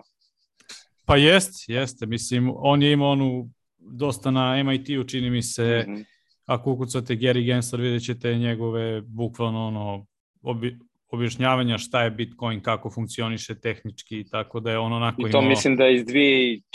ili yes, 16. uglavnom ono odavno, ne, ne sad. Da da, da, da, to su njegovi kursevi koji onako baš objašnjavaju, znaš, i Bitcoini sa finansijskog, ima i matematičkog, ja sam čak to ranije gledao, sjećam se čak da je onako, baš onako lepo on sve to profesorski onako eh, ovaj, imao te prezentacije, tako da eto, on je sada predsjednik komisije za vrednostne papire i za berzu u Americi i njegova jedna izjava, sad možda izvučena iz konteksta, ja stvarno nisam, nisam slušao taj ceo intervju koji je bio, ali generalno izjava je bila koja je kružila internetom da je on izjavio da svi ovi, sve osim Bitcoina je zapravo security, odnosno kako se to zove, vrednostni papir ili kako god, a da je Bitcoin jedino commodity, odnosno roba.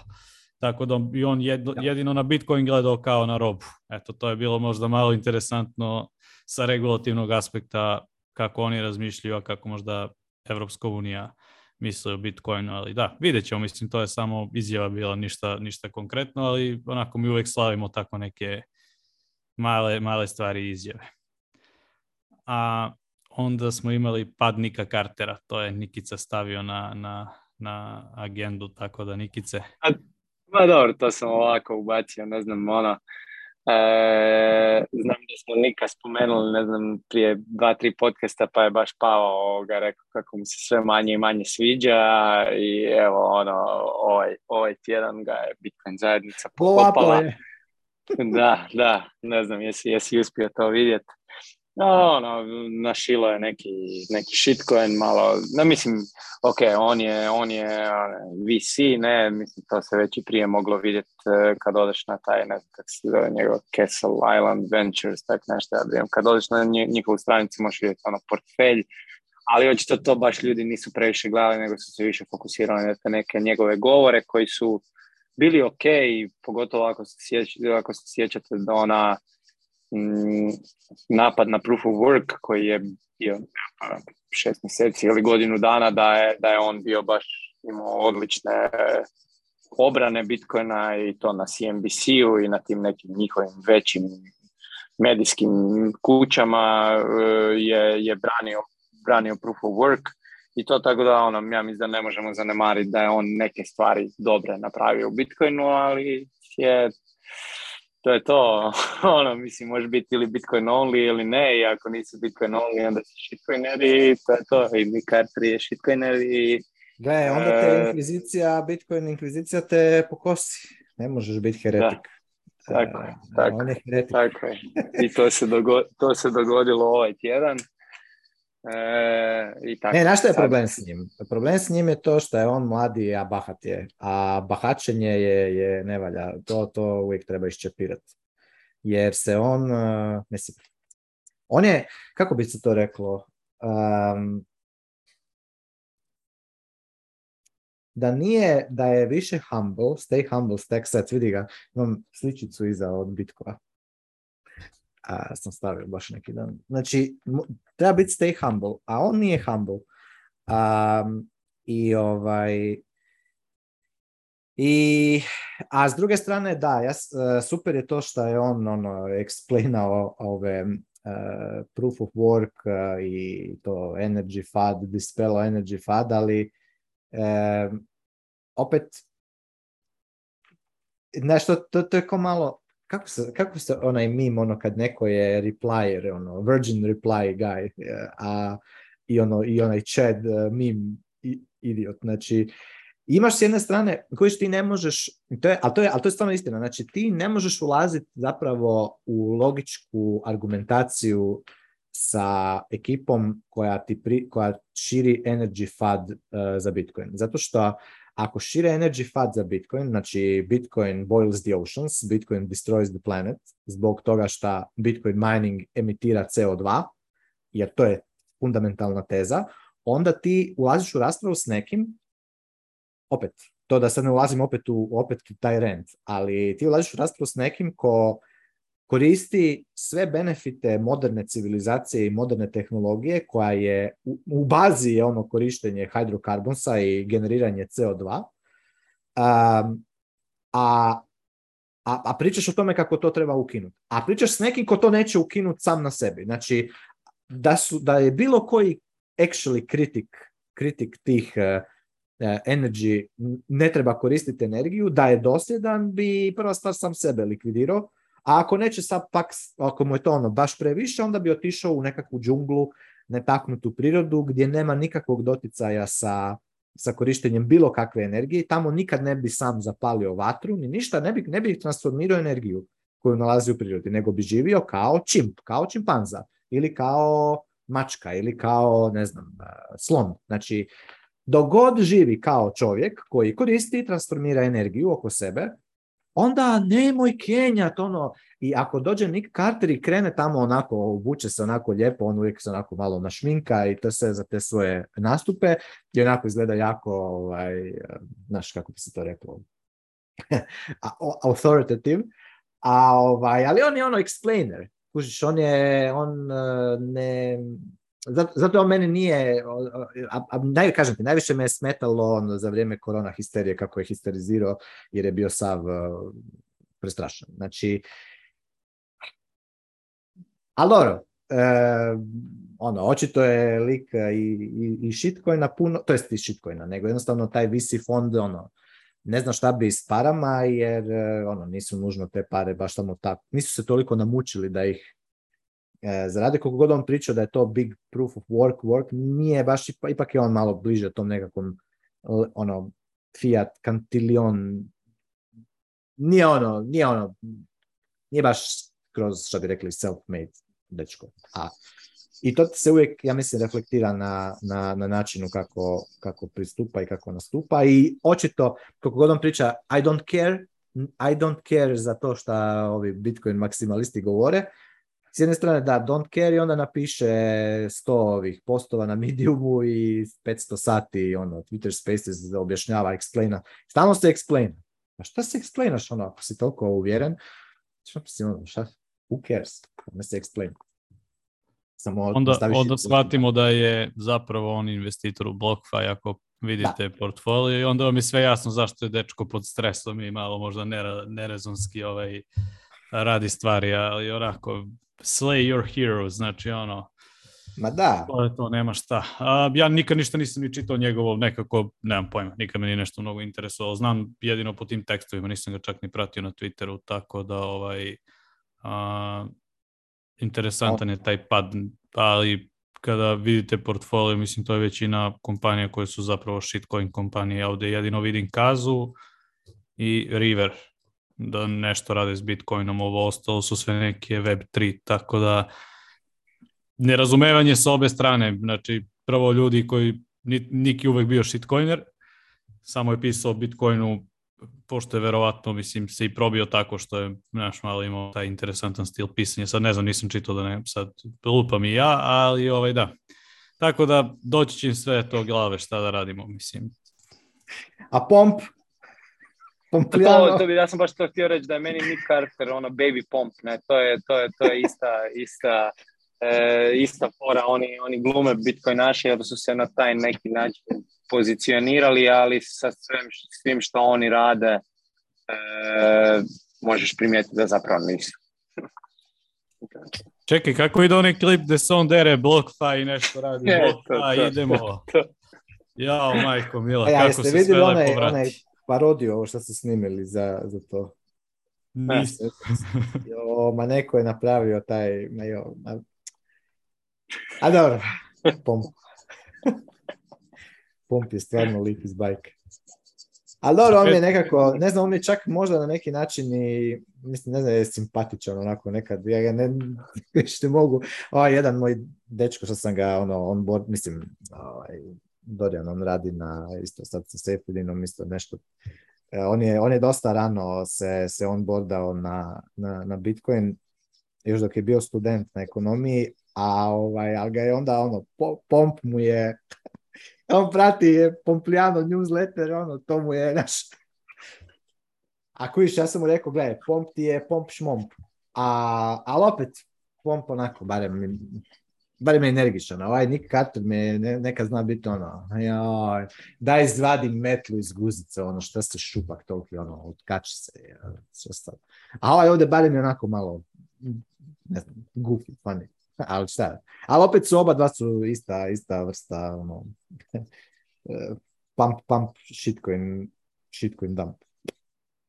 Ništa, e. za, za deset godina kada Solana bude standard, i kada Bitcoina nema, ljudi će ovaj podcast praviti mimove od toga od Pava, mene i Nikice.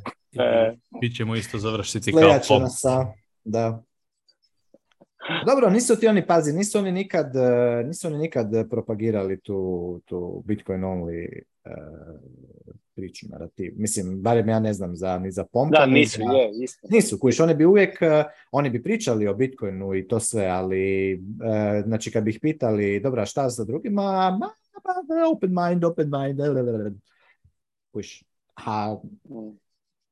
da, s time ti polariz... znači ti s time da, makneš ono potencijalni gain s time šta ono makneš jednostavno ti možeš outperformat growth Bitcoina u bull marketu, ali ako dobro tajmiraš market, ako si povezan sa insiderima, shitcoin insiderima, pump and dumperima i tako dalje. Ali ovaj, s druge strane ono što radiš eh, je da gradiš dugoročnu reputaciju, ono, ono low time preference, jako long term thinking, jer recimo za 10 ili za 20 godina Uh, pitanje je opće šta će od tih shitcoina, opće, da li će opće biti shitcoin. Možda će, možda će još samo ono, do 2030. dok se, ajmo reći, cijela ova veliki great reset, dok se to ne isčisti i sve, možda je to još faza di, di, ljudi generalno moraju ono, figure out da, da, da, da, se, da se svijet prebacuje na, na novi monetarni standard, da je to bitni standard koji je neutralan, a da su shitcoin i ono, jedna faza koja će biti, kužiš, da ti u sound money society nećeš imat e, potrebe za spekuliranjem na, na, na, na glupim shitcoinima koji su samo ono, print, money, print, private money.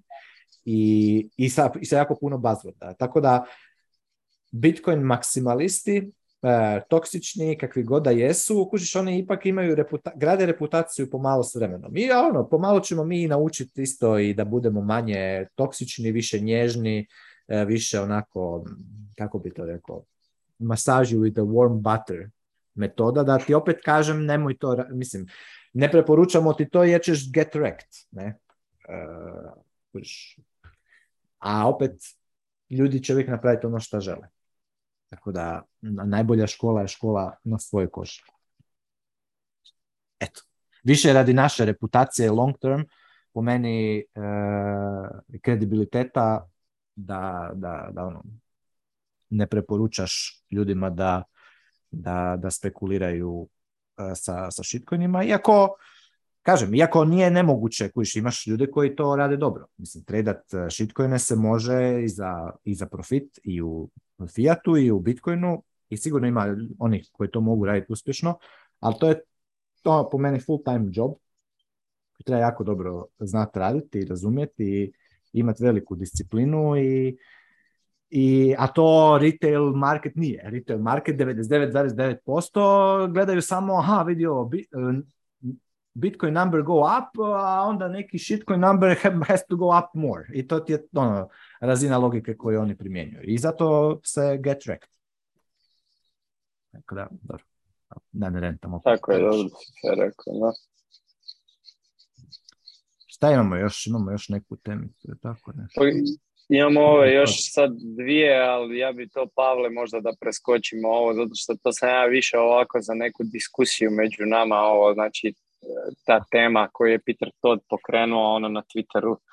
Ja, mislim, da bi se na to mogli malo onak duže zadržati. to je ono, vidio se da su se ono gotovo svi Bitcoin naši zakačili na to i ono, ogroman je, ogroman je thread Eh, I ovaj isto sljedeći dio što se stavi Bitcoin Fungible, pa možda možemo to staviti za neku od mislim, neku od sljedećih epizoda, s obzirom da smo već sad sat i pol, neko kad ćemo imati manje, manje ovih drugih vijesti. A mislim, ako hoćete, možemo sad proći to, ali eto, ne moramo. Ajde, Mislim... možemo onda, kako kažeš, možemo i ostaviti za drugi put. Sad smo već krenuli, tako da sad ljudi ono već kao slušaju, kao ajde, idemo, nema veze, ajde, idemo e, brzo, onako, šta je.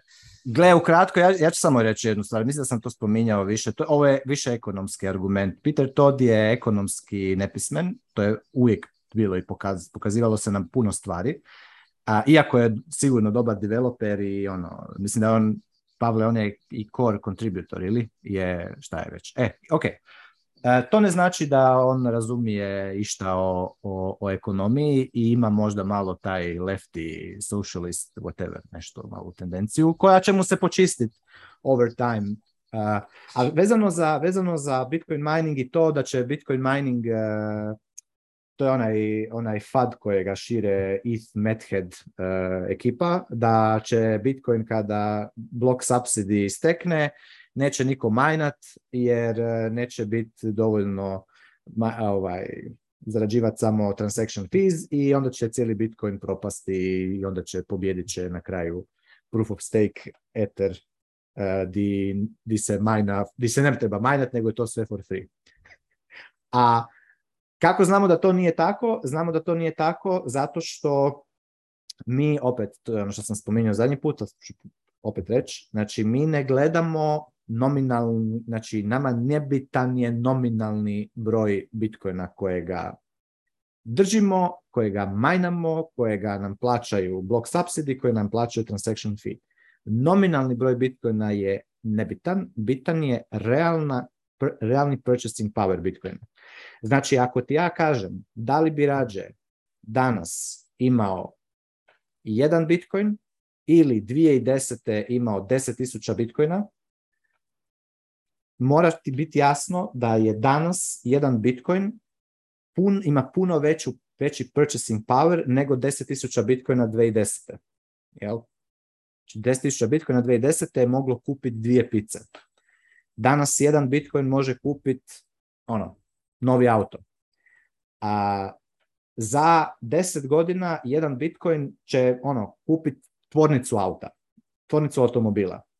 Znači, E, gledat, gledat na Bitcoin mining, znači danas, danas je subsidi po bloku 6,25 Bitcoina, znači treća, znači imali smo tri halvinga do sad. Danas je 6,25 Bitcoina ne insignificant naspram onoga što će biti samo pol Bitcoina kao blok subsidi za, ne znam, 10 ili 15 godina. Znači, ne radi se o tome koliko je u nominalnoj vrijednosti block subsidy versus koliko je transaction fee. Radi se o tome koliko purchasing powera zarade mineri kada minaju Bitcoin. Ako je taj purchasing power koji oni zarade veći od troškova za majnanje, onda će oni majnati. A ako nije, neće majnati. Dobra stvar je što, što Bitcoin ima difficulty adjustments, znači ako se shut offa uh, određeni broj minera, difficulty će se olakšati tako da oni mineri koji ostaju minat će biti profitabilni. To je self-adjusting sistem cijelo vrijeme. Da li će biti potražnje za, za, ovaj, za miningom kada istekne e, znači 2140. godine, to mi ne možemo znati, ali možemo znati za sigurno da, da, znači da demand za final settlementom, znači za ono opening, closing channel, 2140. godine ja ne vidim da će ogromna većina ljudi uopće znat kako funkcionira Bitcoin sistem. Samo će znat da funkcionira. Kao što danas ti možeš voziti auto bez da znaš točno kako auto funkcionira. Možeš imati nekakvu generalnu ideju, ali ne znaš ti sam auto napraviti. Niti auto, niti laptop, niti mikrofon, niti svjetlo, niti mobitel, niti avion, niti brod, niti ništa, niti frižider, a sve su to stvari, uređaji, tehnologije koje koristiš svaki dan i samo znaš da rade. Jednostavno znaš da funkcioniraju. Tako isto tako, za 100-150 godina ti ćeš koristiti Bitcoin, ti ćeš samo znati da to radi. To je novac kojega koristiš. A kako će točno ta cijela infrastruktura Bitcoina, Bitcoin mininga, settlementa, lightning channela, payment trailova, ono, custodial, non-custodial, collaborative custodial modeli, Fedimin, šta će već sve biti taj miks za 150 godina, i kako će koji od njih imati poslovni model, to ti ne znaš, odnosno mi to ne znamo, Peter to to ne zna, Peter to ni ne zna ni puno stvari. Bilo bi mu bolje da ili se stvarno uhvati e, ono, nek dođe, dobro, on je dobar sa ovim džakovim Zukom, pa ćemo ga, dopeljat ćemo mi njega na, na, na, seminare od, od da stvarno nauči ono, ekonomski dio, ako ga to interesira. Ako ga ne interesira, daj ono, kači, mislim, nemoj, to, to je isto kao da ja sad idem ono kenjat nešto, ono, malo sam tu ono isprdio tri mentalna isprtka oko, ne znam, nekakvog pročitao sam jedan ili dva članka o, ne znam, Taro ili o Taprutu i sad ću ja tu počet nešto tamo kenjat, ono, da ispaću budala, ne. Znači, rađe neću niti, niti, niti počinjati. Tako i Peter Todd. Bi, osim ako ne misli se stvarno uhvatiti, ono, recimo, na dve, tri godine se posvetiti da da prouči cijeli taj dio ekonomski e, fundament, fundamente ekonomije i da počisti te svoje miskoncepcije e, sociokomunističke iz glave, jer on ima isto neke retardirane tekove za vrijeme korone i ono, se to on bi nešto, on bi htio kontrol, on bi kontroli, kontrolirao druge. Nemoj ti kontrolirati, kontroliraj ti sebe. To, to, je uvijek na ono što, što ti se svodi, vezano za Peter Todd. Ali, ovaj, ali dobro, e, anyway, E, nije mu argument dobar, nije mu sound sa ekonomske strane, e, kao ni cijele ove ekipe e, shitcoinera u, u Etheru, u Ethereumu, oni vole taj, taj glupi argument cijelo vrijeme ponavljati.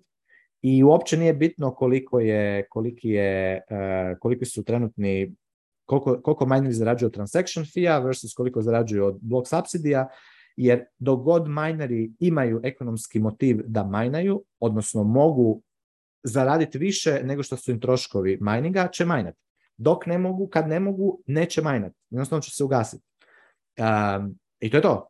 I, a Bitcoin će dalje tu biti. Zašto? Zato što, i kažem, i da se i zagasi pol minera, difficulty padne i opet i dalje imaš secure network. I čak i nije, znači to je isto ono jedna miskoncepcija da je ukupni hash rate ono što secura network nije, nego je ekonomska asimetrija između cost of production novog Bitcoina i cost of verification novog Bitcoina. To je ono šta, šta zapravo secura network, a ne u apsolutnom smislu broj e, po, po sekundi, u, po, po kilovat satu. To nije, to nije ono što osigurava network, nego činjenica da je tebe košta puno, puno više proizvest jedan Bitcoin, to je košta ovoliko, a košta te ovako jako malo za verificirati da si ga proizveo po, po, po pravilima i da nisi proizveo više nego što si smio proizvesti. Znači, mene ranat full node košta malo hardverskog, ono, deprecijacije hardvera na laptopu, šta ga ranam, i, i neznatno bandwidth, ono, 2 MB svakih 10 minuta, to je koliko mene košta za verifikaciju, ono, trustless verifikaciju kompletnog suplaja svih bitcoina i reconciliation cijeloga suplaja svakih 10 minuta, a koliko košta za izmajnat e, ono, blok subsidiju jednog, e, jednog, e, jednog bitcoina. Puno. Znači, košta sigurno, ne košta 20.000 dolara, košta manja, ali košta ono između, ne znam koliko, do, do 20.000 dolara košta. A mene ne košta svaki blok verificirati ni blizu 20.000 dolara. Ja mogu za 500 dolara verificirati desetke i desetke tisuća blokova down the line in the future. Tako da ta asimetrija je ono što osigurava e, Bitcoina. Ne u apsolutnom smislu. Kažem, da se sad smanjimo na 1% ukupnog hash rate opet bi, opet bi stvar bila jednako secure. Opet ne bi niko mogao printat više više Bitcoina. Šta je ono bazično što, što je zapravo najvažnija stvar. Da niko ne može naprintati više Bitcoina kada, kada ima incentive za to. A svi imaju incentive za to zato što Bitcoin price long term ide up. I ako neko može printat eh, Bitcoine for free, taj je jako, taj bi mogao biti jako bogat. Ne? Kao svi ovi shitcoineri. Ethereum shitcoineri su, imaju masne pare zato što su uspjeli uvjeriti naivne likove da drže eter kojega ovi mogu na kraju balade mogu printati. I to je to. Rent over. Kako over sad, mislim, dobio si pohvale u grupi za rentove, tako da te sada puštamo. Imaš fanove, fanove ovih rentova, tako da ovaj, moramo te pustimo sad. A, do, do, mislim da si dobro pokrio temu. Slažem sad to previše širiti, da. Možeš ti sad, Pavle, još ovih par stvari što imamo proći, pa da lagano to vršimo, ali smo već si se ide da se kupa ovaj već, e, ono, tako da evo brzo ćemo. Čak i ne, nego ono, neko, šta znam, možda, možda će biti dugo nekom dva sata slušati. pa ništa, ostalo još samo ovih par manjih stvarčica, evo ovaj, 38 studenata u El Salvadoru je dobilo Bitcoin diplomu. To je neka inicijativa koju je, ja mislim, neprofitna organizacija koja se zove moj prvi Bitcoin, maj, ne, ne znam baš primjera Bitcoin tako nešto. Oni u okviru srednjih škola su uspjeli, u okviru jedne zapravo srednje škole su napravili taj program i kada vi ono, dobijete diplomu na tom programu, to vam se računa kao ukupnim bodovima za, za ovaj, u okviru te vašeg uspjeha u srednjoj školi. Tako da je to kao zvaničan program koji, koji oni imaju. I mislim da je ovo bio pilot program u jednoj i sada će krenuti u više ovih eh, ustanova to da rade. Tako da je interesantno, neko ko je vidio, ne znam sad, materijale kažu da su onako baš dobri da bi to možda vredelo prevesti i mi smo i pričali o tome kako edukacije eto ovo je jedan oblik edukacije, onako malo formalniji, ali zanimljivo dosta, vidjet ćemo ja ću ih kontaktirati, znam ove momke iz IBX Merkada, pa ću ih pitati da li može da ono, open source te dokumente koje oni daju u školama, pa da mi to prevedemo, tako, pa možda možemo da delimo ljudima ovdje ili kao što smo pričali na prethodnom podcastu, možda se i pokrene neka inicijativa gdje ćemo moći da edukujemo ljude. Vidjet ćemo to na, na, ovaj, na meetupu sada u Beogradu u subotu. To je, ja mislim, drugi jul, ako se ne varam, više sam i ja, ono, ne znam više koji je datum danas. Ovaj. Eto, najava za taj meetup. Um, ima nas već, boga mi, 70. Mislim, svako ko će neko vjerojatno doći preko tog broja, tako da očekujem dosta dobru brojku. Pa ćemo vidjeti šta će se, ovaj, šta će biti pod tog pa da li samo dosta piva i pričanje o Bitcoinu ili ćemo možda dobiti neke nove ideje e, koje možemo implementirati ovdje. Ima, ima, ima par ovaj, dobrih ideja pa ćemo o tome to pričati možda u narednom podcastu. I još samo jedna stvar, Bitcoin 2020 u Amsterdamu. Ovaj, Bitcoin magazin, ona velika konferencija koja je bila u Miami ove godine, pravi nešto slično u Europi. Mislim da će to biti ipak dosta manje nego u Majamiju, ali njihova ideja je da naprave sličnu konferenciju u Europi. Tako da, eto, vidiš, karte će uskoro krenuti sa prodajom i eto, možda možemo i mi kao grupa nešto da organizujemo slično kao za ovaj Honey Badger. Sad me interesuje kako će oni uspjeti da organizuju to i kog će dovesti uopšte od e, ovih ljudi koji će učestvovati. Vidjet ćemo zapravo, nema još uvijek dosta informacija, datum je oktobar 12. do 14. tako da ovaj, vidjet ćemo kada zvanično i ko će biti na konferenciji, pa ćemo vjerojatno pričati o tome malo više. Eto, samo još jedna najava. Gomila Bitcoin only konferencija ove godine. Ko će da, teško je obići sve, ali vidjet ćemo da makar... Dobro osvježenje, s obzirom da sam ja sam čekao neku Bitcoin only konferenciju u Europi, Hani Badgera nije bilo dvije godine, jel da, i, i, i sad i ovo, tako da, ajde, super, to je lijepo. Da, idemo. Eto, i ovaj naš meetup mali je krenuo, tako da, eto, i to smo pokrili, vidimo se, ja ću vam prenijeti, nadam se, utiske. ne znam, Pavo, jel ti dolaziš ili ne?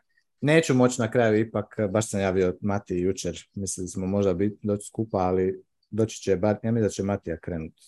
E, Dobro, imamo. Ja, sam se s Matijom vidio, pa i rekao je da, da on planira ići. Da. Super, super, znači imamo makar ovaj Matiju. Makar jednog ambasadora. Tako je, tako je.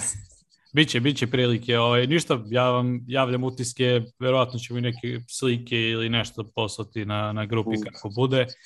Biće to možda čak i dva dana druženja, vidjet ćemo sad naravno od strukture ljudi ko, ko želi možda nešto i u nedlju organizujemo, vidjet ćemo.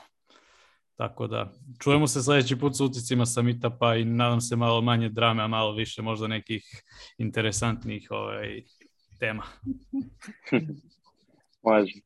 Super. Pozdrav, Uživajte na Ajde, pozdrav, bok.